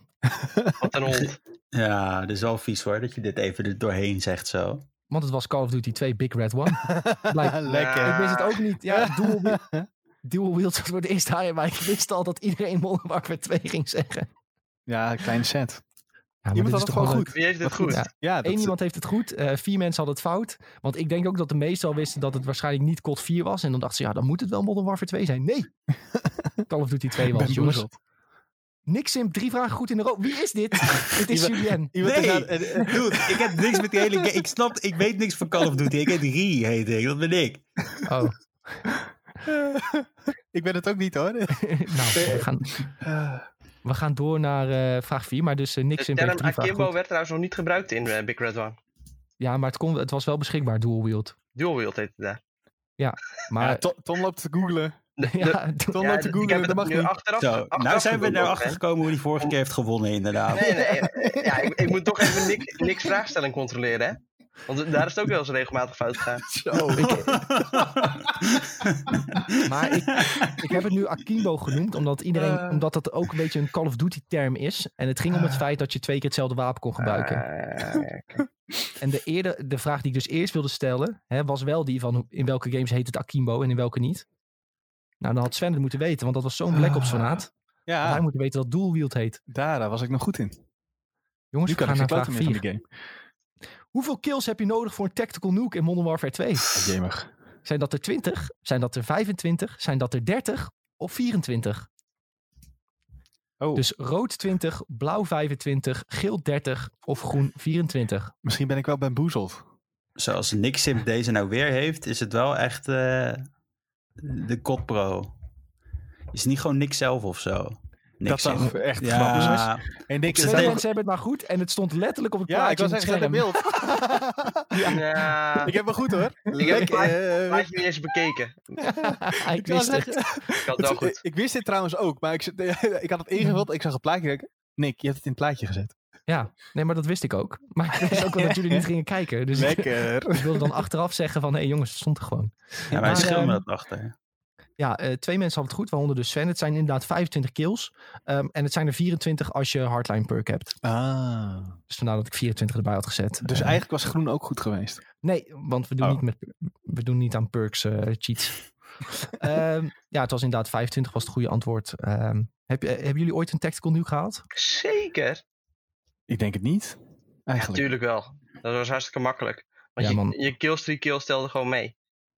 Oh, ja, dat klopt. Dus Ja, al had je gewoon al een, een eh, een. Harrier of zo, dan eh, kon je het al eh, easy halen. Een herrier. Ik speelde toen ook altijd nog met zo'n gast uit Rotterdam. We hadden echt om de havenklap hadden we eh. maar toen Ah, deed ik ook niks anders dan 16 uur per dag Call of Duty. Goeie oude tijd is dat. Dat had ik dus met Black Ops. Je had daar die. ACR en daar had je gewoon geen recoil mee. Dat, Ja. ja. dat was geweldig. We moeten eigenlijk, gaan we dat zo Oh. bespreken? Het favoriete Call of Duty wapen alle tijden? Zo. ACR Zo. staat met stip bovenaan. Dat was echt niet Nou, normaal. ik, ik vond in Black Ops die aug vond ik echt wel heel lekker ook. Ja. Mm. Ik moet zeggen, Warzone heeft nu ook wel een aantal wapens die echt belachelijk zijn. Maar dat komt met, met name door de attachment ook. Maar goed. Jongens, we gaan even door naar ehm, de volgende vraag. Oh, even kijken wie er nu bovenaan staat. Major Tom staat bovenaan nu. Zo. Ja, ja. Ik denk dat dat Tom is dan. Vijf van de vijf. Welke COD game voegde killstreaks en weapon leveling toe aan de franchise? Was dat Black Ops? Was dat. Modern Warfare 2? Was dat Call of Duty 4 Modern Warfare? Of was het groen Call of Duty 3? En als ik nog enige tips mag geven, jongens. Dit was de Call of Duty game die het FPS-genre voor altijd heeft veranderd. Na deze game hebben alle FPS-games bijna killstreaks toegevoegd. En leveling toegevoegd aan je account. Dus dat je omhoog levelt en dan wapens vrij speelt. Ehm, dus ja, dat, dat, die game heeft FPS veranderd. En als ik dat zeg, dan moet je eigenlijk wel weten welke game, ik, eh, welke game het is. Battlefield. Battlefield. Eh, oh nee. Battlefield heeft eh, dit wel redelijk gestolen, ja. Of heeft Battlefield wel killstreaks? Het, is, het goede antwoord was COD 4. Hey. Ja, COD 4 had als eerste killstreaks. Want als je bij drie kills kreeg een UAV, bij vijf kreeg je een airstrike en bij zeven kreeg je een chopper. Hoe ben ik de enige die dit goed heeft? Ik eh, ben ook verbaasd. Ja, ja. Dat, eh, Sad Tom is sad. Ehm, en ja, het, je had ook een, eh, voor de eerste keer dat je tot level 55 kon gaan in die game. Ehm, en naarmate je hoger level werd, kreeg je, speelde je wapens vrij. En dan kon je geen dat prestige, toch? Dan daarom was dat geen 4 gedaan. Ah, slim. Maar dan kon je ook prestige, toch? Dat was toch ook voor het eerste jaar? Nee, Ja. dat volgens mij maar tot Oh, nee, 55 klopt. Ja, dat was 4. 55. Nee, waar Nee. kon je prestige voor het eerst dan? En bij Dat was 2 Modern dan. Warfare 2. Black- Ja. Hm. Je kon niet prestige in eh COD 4. Nee, klopt ja. Dat was gewoon als je 55 was, dan was het al oeh. Ja, en ik eh, weet nog met landparties moest je op een semi-legale manier even zo'n eh, bestandje hebben, zodat iedereen alle wapens had. Semi-legale manier, vind ik mooi verwoord. Maar daar Ja. had je inderdaad een soort cheats voor, dat je gewoon standaard level 55 precies. was. Omdat Anders eh, begon iemand op level 1 en dan kwam je aan met je volledige setup. Proet. Ja. AK-74U, een van de beste wapens Zo, ook. die was lekker hoor. Ehm, dat was dus het goede antwoord. Heeft Sven dan gewonnen? Of staat Tom nog op één? Nee, Sven heeft gewonnen, denk ik. Lekker. Op plaats drie, Nick Simp. Ik weet nog steeds niet wie dit Wie is. is dit? Ja, op het is twee echt is. Tom dus geëindigd. En op één toch weer Sven, jongens. Nu moet iemand wel even laten weten dat hij niks imp is trouwens. Ja, Ja. ik wil wel weten wie dat is, ja. Ja, Dit is ook. inderdaad- Laat het in de chat. Laat het weten. Anders houdt dit me echt heel de week gewoon bezig. Bob, Bob en Wes op 4 en 5 trouwens geëindigd. Jongens, eh, bedankt voor het meespelen. Ehm, Sven, wederom gefeliciteerd. Je, je, je wint ze toch best vaak. De, spreken we af dat jij volgende week de quiz maakt? Eh, ja, is goed. Oh nee, jij bent er volgende week misschien niet, toch? Eh, ik, oh, nou, ik- ik ben op kantoor volgende week, ja. Oh ja. Nou, dan eh, moeten we even kijken of, hoe, hoe, Eh, hoe gaan we dat even gaan kijken doen. hoe, eh, hoe en wat. Maar goed, ehm, gefeliciteerd Sven, jongens. Ja, Iedereen dankjewel. super bedankt voor het meedoen. Vinden we altijd super cool dat jullie altijd zo enthousiast meedoen met de quiz. Ik hoop dat de vragen een beetje toegankelijk waren vandaag. Niet te moeilijk, niet te makkelijk. Ehm, en volgende week dus weer een nieuwe quiz. Hartstikke leuk. Ehm, dan gaan we door met even lullen over Call of Duty, jongens. Ja, zeker. Want daarom zat de quiz er ook in.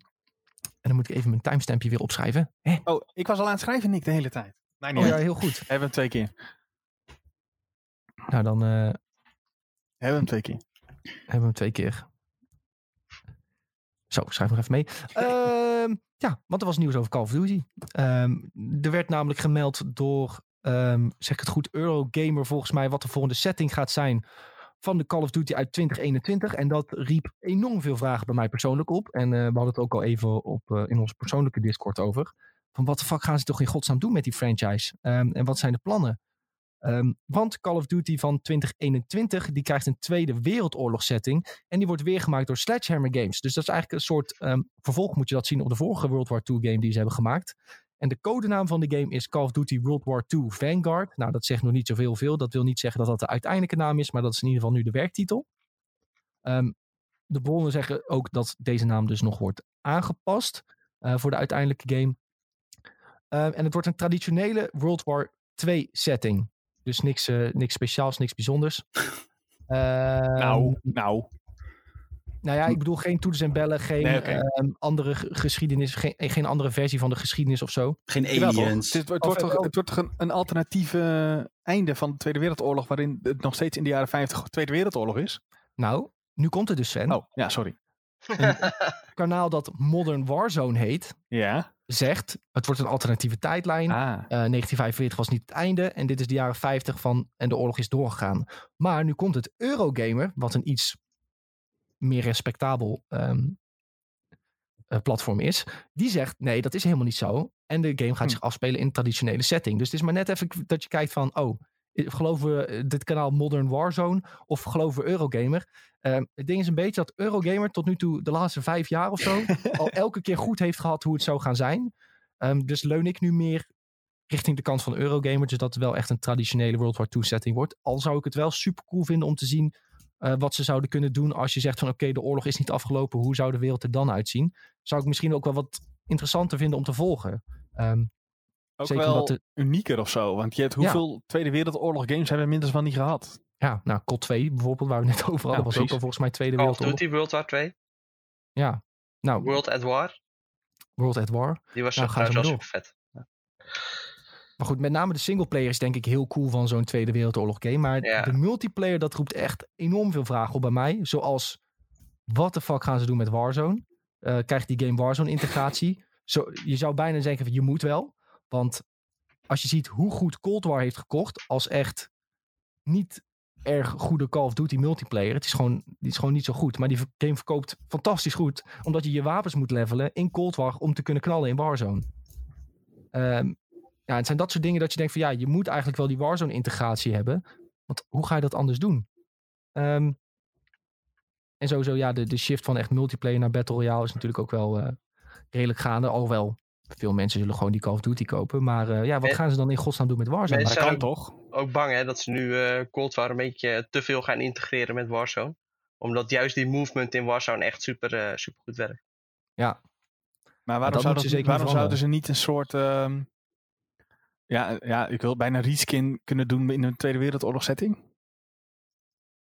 ja zou Eh, kunnen. Eh, het ding is, Ja, maar in wat ga Warzone je dan zijn doen met al die wapens die je in Warzone nu gebruikt? Ja, die, gaan, eh, die, die doen een Fortnite, die gaan gewoon in een vault. En die komen met een, eh, met een evenementje komen die er weer een keer uit. Maar ja, dan ga je ook met heel veel mensen heel boos maken. Ja, ik ga nu al heel slecht op dit. Ja, ik ben maar ja, blij dat jij geen gameontwikkelaar bent ook. maar wat nou was dit wel echt, eh, echt gebeurd? Want dat, ik vind het geen gek idee, toch? Want ze gaan nu, er zijn de Ja, het eiland aan iedereen die game van zijn Playstation. Maar ze zijn toch ook eh, het eiland nu aan het volgooien met zombies? Ik bedoel, Ja, er lang- gaat zeker iets veranderen. Maar mensen hebben nu al video's gemaakt op TikTok met I miss the old, eh, eh, the old Verdansk. Terwijl die map nog helemaal niet weg Ja, is. hou op, maar die kinderen zijn 14 en die hebben Call of Duty 2 nog nooit gespeeld. Nee, maar kijk, weet je wat het is? Een Tweede Wereldoorlog setting met een Battle Royale variant. Dat lijkt me hartstikke cool en dat gaat supergoed werken. Maar dan, wat ze denk ik beter kunnen doen, hè, als je iedereen tevreden wil houden, is een aparte map maken. En Hm. dat alsnog in Warzone stoppen als soort van een, een extra mode. Ja, Ja, gewoon de, de wil je wel, WW2-mode, hoor. zeg maar. Ja, maar dan verdeel je wel heel erg je playerbase. Hm. Maar goed, ze gaan wel de map enorm veranderen. Want of er gaat een atoombom af. En die map verandert daardoor. Of er gaat een atoombom af en je, Verdansk gaat gewoon weg en ze gaan naar iets nieuws toe. Dat is één van die twee opties. Maar goed, eh, dat, dat wordt sowieso nog kijken. En ik denk als je dat hebt gezien, dat je dan misschien wel een beter idee krijgt wat ze gaan doen. Maar Verdansk met Tweede Wereldoorlog wapens, dat wordt gewoon lastig. Want Tom zei ook al laatst tegen mij. ehm, ja, die Tweede Wereldoorlog wapens had je helemaal geen attachments of zo. En de kracht van Hm. Warzone is wel een beetje dat je je wapens helemaal kan aanpassen. En ze dan zo OP mogelijk kan maken door ze ook te levelen. Dat was toch ook het probleem in die, eh, was dat dan even uit mijn hoofd Call of Duty 5? Dat was toch ook Tweede Wereldoorlog, waar, waar ze wel zoiets hadden gedaan? Vijf? Dat je wel opeens een silencer eh, erop kon zetten en zo. Ja, die hem niet. World at War was dat. Ja, klopt. Daar had je wel suppressors en zo. Maar ook best wel weinig attachments. Vergeleken met eh Hmm. Modern Warfare en Mhm. eh, ja, de futuristische eh, evenbeelden van Call of Duty. Maar ja, ik vind dat gewoon ook heel erg het probleem. Dat, eh, dat zie je eigenlijk ook in Battlefield. Dat als ze dan weer zo'n oud thema pakken. Dat ze gewoon al die attachments het raam uitgooien. Omdat ze verder niet weten wat ze daarmee eh, mee aan moeten. Terwijl, dat is echt een van de leukste onderdelen van Call of Duty, vind ik persoonlijk.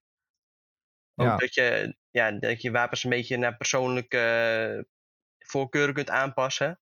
Want zoals bijvoorbeeld die, even kijken, die, ja, die CR650 die eh, nu eh, redelijk populair is. Die kun je ook zo aanpassen dat hij juist weer zo schiet als een SMG-achtig. Maar je kan hem ook heel erg aanpassen dat hij echt super goed is voor long range. Ja, dat Ja, maar ik best vet. Daarbij is wel, er is wel altijd één beeld die overpowered is. En die moet je eigenlijk wel runnen om mee te kunnen. Maar nou, ja, bij dat wapen zijn er ook best andere dingen mogelijk hoor. Veel, is, veel is het wel zo hoe jij het zegt hoor, maar eh, bij dat wapen Ja, is je best want aan de ene kant- als SMG.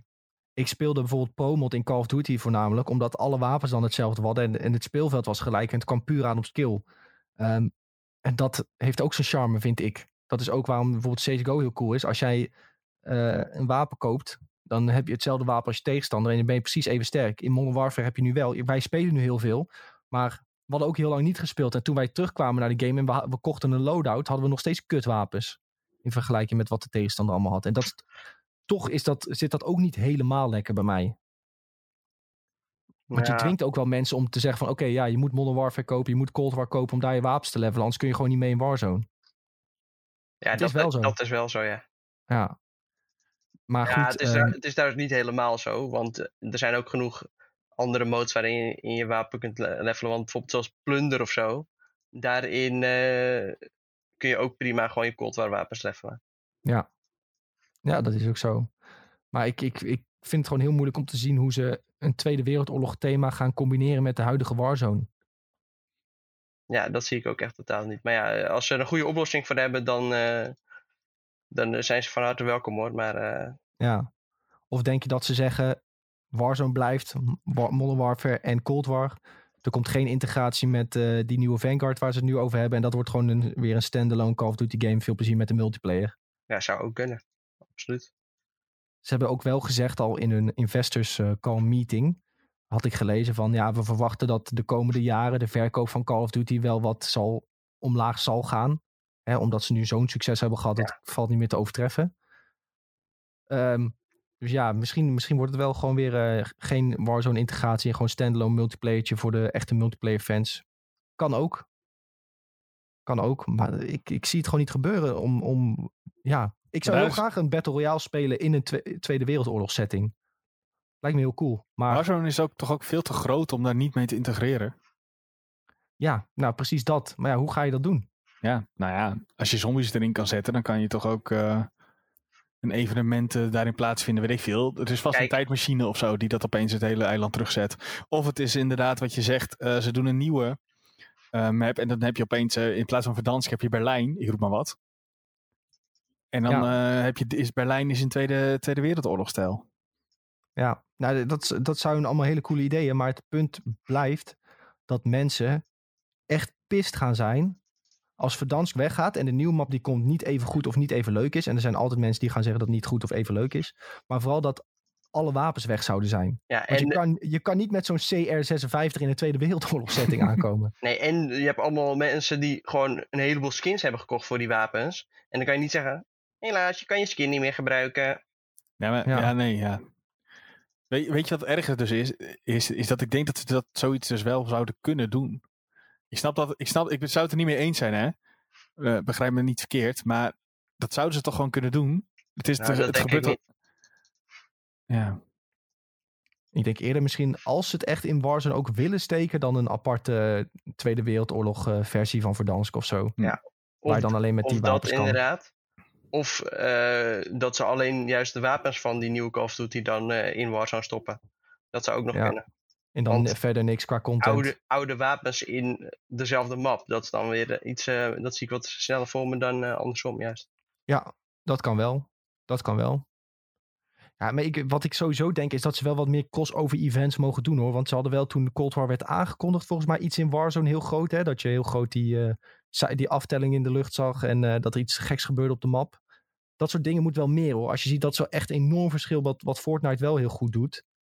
Is gewoon echt die grote events waar heel de community bij betrokken is. Dat, eh, moet wel wat meer. En ja, ik weet niet, tover die map maar een keer om eh, naar Tweede Wereldoorlog thema voor een bepaalde periode of zo. Weet je? Ja, Eh, en dat soort evenementen maakt toch ook dat zo'n game als Fortnite zichzelf overstijgt als alleen een game. ja. En dat zou wel een goede volgende stap voor Warzone ook kunnen zijn. Zeker, zeker.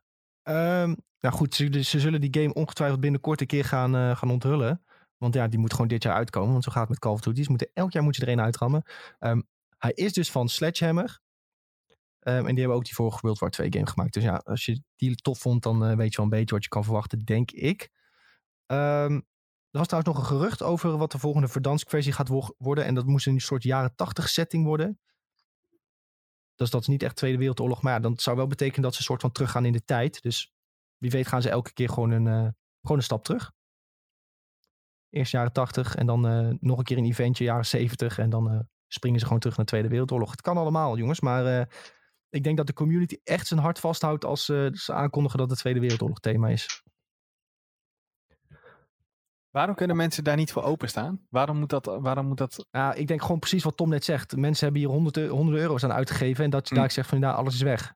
Ja, oké. Of je kan het niet meer gebruiken in Warzone, maar wel nog in de multiplayer van... eh, Nee, maar, kijk, waarom is dat een probleem als FIFA dit elk jaar doet?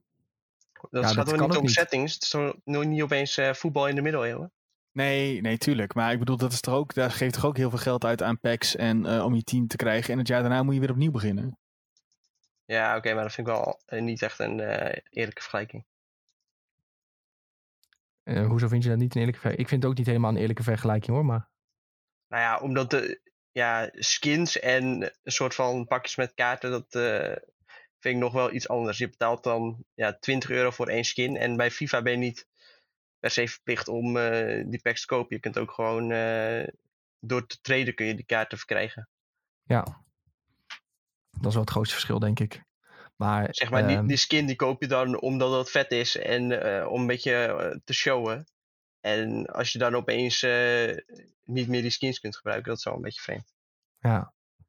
ja, als ze, ze kunnen ook een hele, hele nieuwe Battle Royale gaan maken. Hè, voor het, ja, gewoon naast die nieuwe Call of Duty. Waarom niet? Black Ops 4 had ook een eigen Battle Royale. Zal zeker niet zo succesvol worden als Warzone, maar mensen gaan het toch wel even proberen. Ongetwijfeld. Goed jongens. Ik denk dat we er ook genoeg over eh, gezeverd hebben.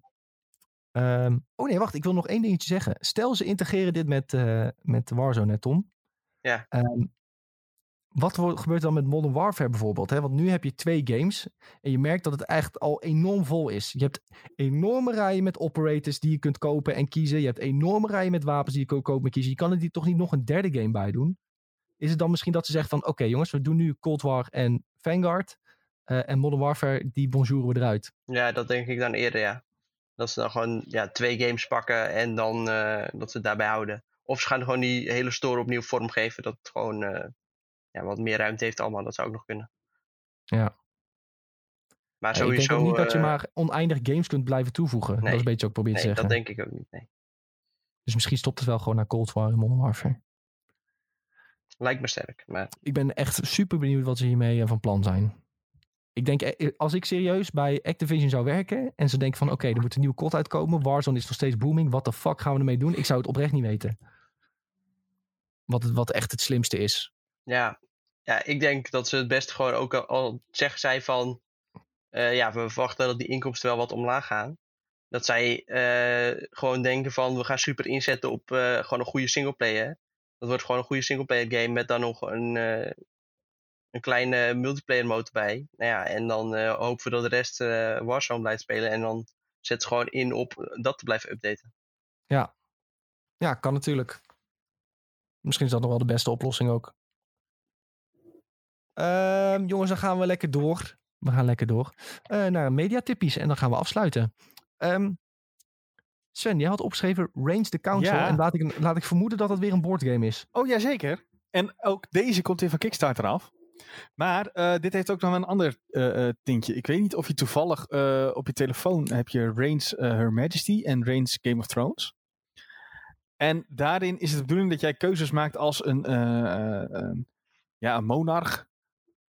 En uiteindelijk verwacht zo lang mogelijk in leven te blijven zonder dat vier pijlers, geloof, geld, bevolking en leger, in evenwicht blijven. En als een van die pijlers te veel eh, positief wordt of te negatief, dan zet die pijler jou af. En dan krijg je een leuk verhaaltje met, oh ja, ze waren heel boos op jou, dus ze hebben eh, eh, je, je kasteel in de fik gezet en je ging dood. Weet je dat? En dan begin je opnieuw. Wat dit spel doet, is eigenlijk hetzelfde. Jij speelt dit met een, nou ja, corona-proof setting met hoeveel spelers je kan spelen. En dan is één iemand is eh, de monarch, de koning of de koningin. En de rest zijn adviseurs. En die adviseurs hebben een geheim doel voor zich liggen. eh, dat bijvoorbeeld zegt, je moet eh, de kerk heel hoog krijgen en het volk heel laag. En dan moet jij door middel van kaarten die jij voorlegt met een klein verhaaltje... over de koning overtuigen, of koningin, om jouw voorstel aan te nemen. Wat dus eigenlijk weer eh, ervoor gaat zorgen dat jij jouw doel gaat behalen. En eh, ja, zo doe je dat. En het is vooral hilarisch omdat het eigenlijk een één groot improvisatiespel is. Dus het is leuk. eh, het doel is vrij makkelijk en simpel en zit, zit simpel in elkaar. Maar het leuke en de kracht van dit spel zit hem in dat je gaat improviseren in het overtuigen om eh, de koning of koningin jouw advies over te nemen. En om zo dus uiteindelijk eh, te winnen. Dus dat. Klinkt goed. En met hoeveel mensen speel je het? Eh, minimaal drie, maximaal zes of zo. Oké, Maar eh, je begrijpt dat we dat, dat we nog niet met z'n zessen hebben gespeeld, want corona. ja. Mag allemaal niet. Nee. Oké, goede tip, goede tip. Wat kost het trouwens? Had je dat al gezegd? Dat is een goeie. Eh, volgens mij heb ik er met de Kickstarter eh 30 euro voor betaald of zo. Oh. Maar ik weet dus, moet ik even zeggen of die, eh, of die al eh, beschikbaar is. Ga ik nu opzoeken? Sven gaat eh, even opzoeken. Ja, eh, sorry, ja, moet even, even, even snel. eh, eh, maar dit is, het is dus niet zo'n spel wat ik wel vaak via Kickstarter heb, dat je er eh, meteen 130 euro voor neer moet leggen. Eh, ja, ja, nee, ik zal maar niet zeggen, maar er komt er nog eentje, komt er nog eentje aan. Eh, Sven, wat doe jij allemaal, jongen? het is heel erg. Hoe duur was die? Eh, Welke? Ja, die Oh, die. eraan komt. Die eraan komt. Eh, heel veel geld. De, hier is de range is eh, te krijgen via gamefound.com. En daar kost die 28 pond. En even omrekenen, is dat 35 euro dan nog zo? Ja, zoiets. Ja, Dus ik denk dat nog 30 euro wel klopt in de Kickstarter eh, variant. Importkosten, reken Ja. erop. Import kost de Eh, shipping. had ik niet. Ik hoefde niet nog een keer echt extra af te tikken. Ja, het kan wel volgens mij voor dat bedrag. Dus moet je geluk hebben. Maar Oké, is het nou ja, niet maar zo... ik, eh, ik heb met een- Kickstarters eigenlijk nooit hoor. Dat ik een ja, is, wat is eh, het niet een eh, andere betalen. vorm... Is het niet een andere vorm van geld omdat het een donatie is? Nou ja, volgens mij is het gewoon omdat het een pakketje is. Is het, eh, ja, Ja, nee, maar nu is geen niet. donatie meer, toch? Het staat nu niet meer op Kickstarter. Nee, maar je doneert vraag, wel geld aan hun om het te maken. Maar in feite koop je officieel Ja, maar het niet is het nu geen product. Het is nu geen Kickstarter Oh, meer. het is nu geen Kickstarter. Oh, Nee, nee, ja. dit is geen. Kickstarter meer. Nee, dan, dan kan je best wel gepakt worden, ja. En hard ook. Oh, maar goed, nou ja, ervan uitgaande dat het werkt zoals Kickstarter, eh, eh, is dat niet een probleem. En betaal je, je betaalt wel bezorgkosten, zeg maar. Dus misschien zit het daar al bij in. Want die zijn soms ook best wel eh, pittig. Maar goed, Sick. mocht, eh, mocht die andere binnenkomen, maar die komt echt volgend jaar pas binnen trouwens. Dus eh, dan, dan hebben we het daar wel een keer over. Weet je? Ja, Kickstarters. Duurt soms even. En ik ben echt wel benieuwd hoe duur die was, eh, die andere. Maar ik ga maar niet... eh, maar ik denk echt dat... Nou gaat dit echt een spel van 500 euro of zo. eh, ik Nee, dat was het niet. Die Dat allemaal was- zal, hand, zal ik kijken wat het was? Ik krijg- handgeschilderde poppetjes. En, Sowieso. nee, dit was Primal The Awakening en die was... Campaign. Ja, dan moet ik helemaal opzoeken wat het ding kostte, jongens. Waar staat dat? View Your Pledge. Uh-oh. 350 euro. Wat? Jezus, Ja, je hebt een hobby eh, en je vindt het leuk. Dus dan geef je er wat geld aan uit. even, sti- even stil van. Ja, maar dat mag. Eh, Dat is een goede dedication, Sven. Je hebt... eh, Everything Primal Edition. Heb jij die Ja. dan? Ja, precies. Ja, wel, nee, maar dan heb je wel alles erop en eraan natuurlijk. Ho, ho. Ja. Anders dan... eh, Maar dat is een beetje mijn, mijn zwakte. Ik heb ook gelukkig laatst, zag ik er weer eentje voorbij komen. En toen heb ik me heel erg ingehouden.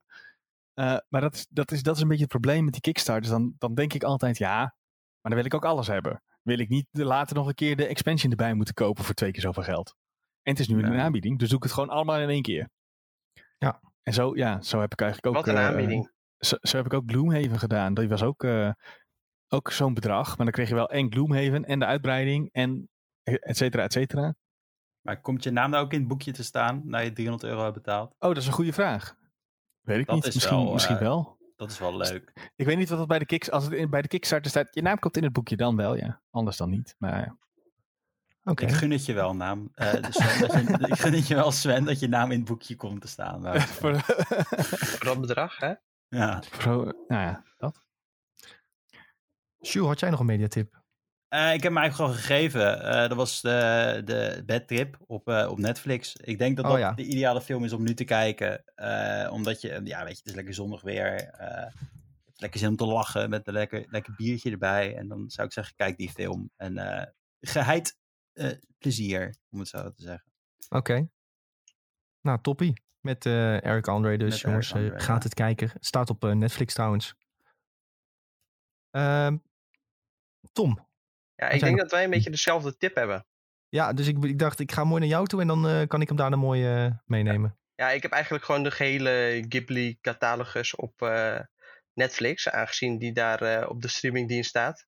Cheatcode. Ja, cheatcode. gewoon bijna alle films van Hayao Miyazaki staan erop. Ik heb dan afgelopen weekend Castle in the Sky gezien, maar ook Spirited Away, eh, die eh, Nick eerder heeft genoemd, en eh Prinses Mononoke zijn goede instapfilms om mee te beginnen. En dan van daaruit kun je, je we- een weg banen naar de rest van de films die ze hebben gemaakt. Waar, waar gaat Castle in the Sky een beetje over, die je afgelopen weekend hebt gezien? Ja, het is eigenlijk een soort van anime Indiana Jones-achtig. het gaat over een, ja, een lang vergeten eh, soort kasteel in de lucht. en eh, daarin eh, zouden schatten zitten. En, maar ja, dat kasteel dat heeft bijna ja, is één keer ooit gezien door een vliegenier. En een meisje uit de film die komt dan terecht bij een jongetje dat dan de zoon is van die vliegenier. En dan op een die vliegenier die heeft een foto gemaakt van dat luchtkasteel. En dan gaan ze samen op zoek om dat kasteel te vinden. Echt super tof verhaal dat helemaal in mijn straatje ligt. Nice. Heb je hem dan ook in het Japans gekeken? Of? Ja, ik kijk altijd eh, Japanse stemmen en dan gewoon Engelse subtitels eh, eronder. Ah ja. Dat is eh, de OG-way. Ja, ja, zo moet je dat doen. Heel goed. Ja, ik, mijn mediatip was dus ook een Studio Ghibli film. Dat ik was geïnfluenced door Tom. Ik had Spirited Away gekeken. Ehm, en wat mij met name opviel is de, de prachtige artstijl die die films gewoon hebben. Het is echt zo bizar mooi getekend. Ik kan, er gewoon, ik kan het gewoon bijna niet uitleggen hoe mooi, dat, hoe mooi dat is gemaakt. En dat je dan bedenkt dat mensen dit allemaal zelf hebben, helemaal hebben getekend. Het is niet... eh, ja, het Het is gewoon gewoon met een de de- hand. ja, ge- gewoon het detail dat in de omgevingen zit. eh, ja, verbaast mij gewoon enorm. Maar het verhaal is ook echt eh, ja, gewoon een heel speciaal verhaal. Ehm Spirit Away gaat over een meisje die met haar ouders gaat verhuizen. En ze, ze komen iets tegen en ze gaan daar even onderzoeken. En dan komen ze eigenlijk in een soort eh, ja, geestenwereld terecht. Waar een eh, badhuis is. Waar zij dan eh, ja, taken moet gaan doen om, eh, om ja, een soort van in de smaak te vallen bij de geesten. Dat is een beetje een notendop eh, waar het over gaat. En de, de, de film heeft heel veel achterliggende betekenissen Ja. blijkbaar en zo. Dus daar moet ik nog even een keer YouTube filmpjes van kijken. Wat Ja, dat, er zit heel erg een diepe laag in. wat de film ook heel erg leuk maakt voor, Ja. voor volwassenen juist. Zo. zo heb je een stukje dat die ouders bijvoorbeeld echt superveel gaan eten. En dan veranderen ze bijvoorbeeld in, eh, in varkens. En dat ja, eh, betekent dan weer, eh, verwijst dan weer naar de gierigheid van de mens en de gulzigheid van de mens. Ja. Dat, eh, Ja. dat soort dingen zitten er allemaal in. En sowieso eh, moet je ook even een goede geluidsinstallatie neerzetten. Want de soundtrack is ook echt altijd... eh, Fantastisch. fantastisch. Fenomenaal. Die kun je ook gewoon los op Spotify eh, luisteren. En eh, dan geniet je eigenlijk ook al gewoon. Ik zie die dingen wel eens voorbij komen op eh, bij een platenzaak voor de, dat je ze kan bestellen. Maar die dingen kosten ook echt serieus 60 euro of zo voor, voor één soundtrack dan. Dat Ja, dat begrijp ik helemaal. Het is wel ook een bepaald stijltje. Ik moet zeggen dat eh, door de instru- instrumenten die werden gebruikt, moest ik ook weer redelijk aan Kingdom Hearts en Final Fantasy denken. Ja, dat heeft wel wat van weg, ja. Heeft er wel wat van weg, qua zeker de muziek. Maar eh, ja, het is echt een super mooi avontuur. En ik denk dat eh, als je zoiets als kind kijkt, dan vind je het echt helemaal fantastisch. Maar ook als volwassene is dit gewoon echt eh ja, super goede film. Leuke humor, interessant verhaal. En echt eh, ja, met verbazing zitten kijken hoe mooi het is en hoe, hoe leuk het allemaal bedacht is. Het was echt eh ja, super goede film. Dus eh, Studio Ghibli, jongens, gaat kijken die films eh, op Netflix. Want je mist echt iets als je het niet doet. Wisten jullie ook dat hier een teampark van komt in Japan? Echt? Dat- Heel Ja. ziek. Vet. 2022 moet het openen. Het zou eigenlijk 2020 open gaan volgens mij, maar het heeft delays gekregen. Nou ja, we weten allemaal wel waarom, denk ik. En, en eh, eh, waarschijnlijk ook nog met, met andere dingen dat, eh, dat, er, dat er delays zijn. Maar het, het gaat er wel komen. Er is al concept art. Volgens mij zijn er ook een paar foto's van uitgelekt een keertje. Het ziet er wel echt heel, eh, heel ziek uit. Nick gaat heel snel googlen. Ik ben een aantal jaar terug in de Studio Ghibli expositie geweest in het Mori Art Museum in Tokio. Dat was ook echt extreem vet. Dat was tegenover de Tokyo Tower. En eh, die kon je gewoon zo uit het raam zien. was echt super hoog ook. Echt een prachtig gebouw. Dus als je ook een keer naar zoiets kan, doe dat ook vooral. Ja, zodra we weer mogen reizen. Ik begreep wel dat je dan echt zeg maar bij wijze van spreken nu al moet reserveren daarvoor. Ja, vaak, eh, vaak wel. Want eh, ik denk dat eh, dat soort dingen redelijk populair zijn, ja. Ik had dan dan. toevallig eh, het geluk dat die expositie net open ging. Dus Hm. toen eh, kon ik gewoon ter plekke. En eh, Nice. ja, prima. Heel nice, jongens. Maar goed, eh, ga dus sowieso die producties checken, jongens. Want het is echt fantastisch. Ehm, ja, ik denk als je van anime houdt, dan heb je het waarschijnlijk al wel een keer gezien. Maar eh, anders is het wel een mooie intrede in, eh, in het hele stijltje. Ja. Nou, en daarmee jongens zijn we aan het einde gekomen van de iGen Benelux podcast. De eerste podcast die we ook simultaan uitzenden via YouTube. En zoals gezegd gaan we weer wat meer content maken voor YouTube ook. Ehm, dus volg ons daar zeker ook. Dan kun je gewoon subscriben. is helemaal gratis. Fantastisch. Uh, volg ons ook via Twitch. Ben je ook altijd op de hoogte wanneer we live zijn via Twitch. En dus ook uh, YouTube. We zijn op alle social kanalen ook uh, bereikbaar via IGN. TikTok, Instagram, Facebook. Je kan zo gek niet bedenken. We hebben het wel. Um, vergeet ik nog iets? Ik denk het... uh, ik denk niet, oh ja, de Discord. We hebben een Discord. Is het altijd gezellig? Zou het leuk vinden als jullie er gezellig bij komen? Um, iedereen in de chat die er was. Ik zie Vinnie, Bob, Kelly, DQL. Allemaal super bedankt dat jullie er waren. Ook bedankt voor het meedoen met de quiz.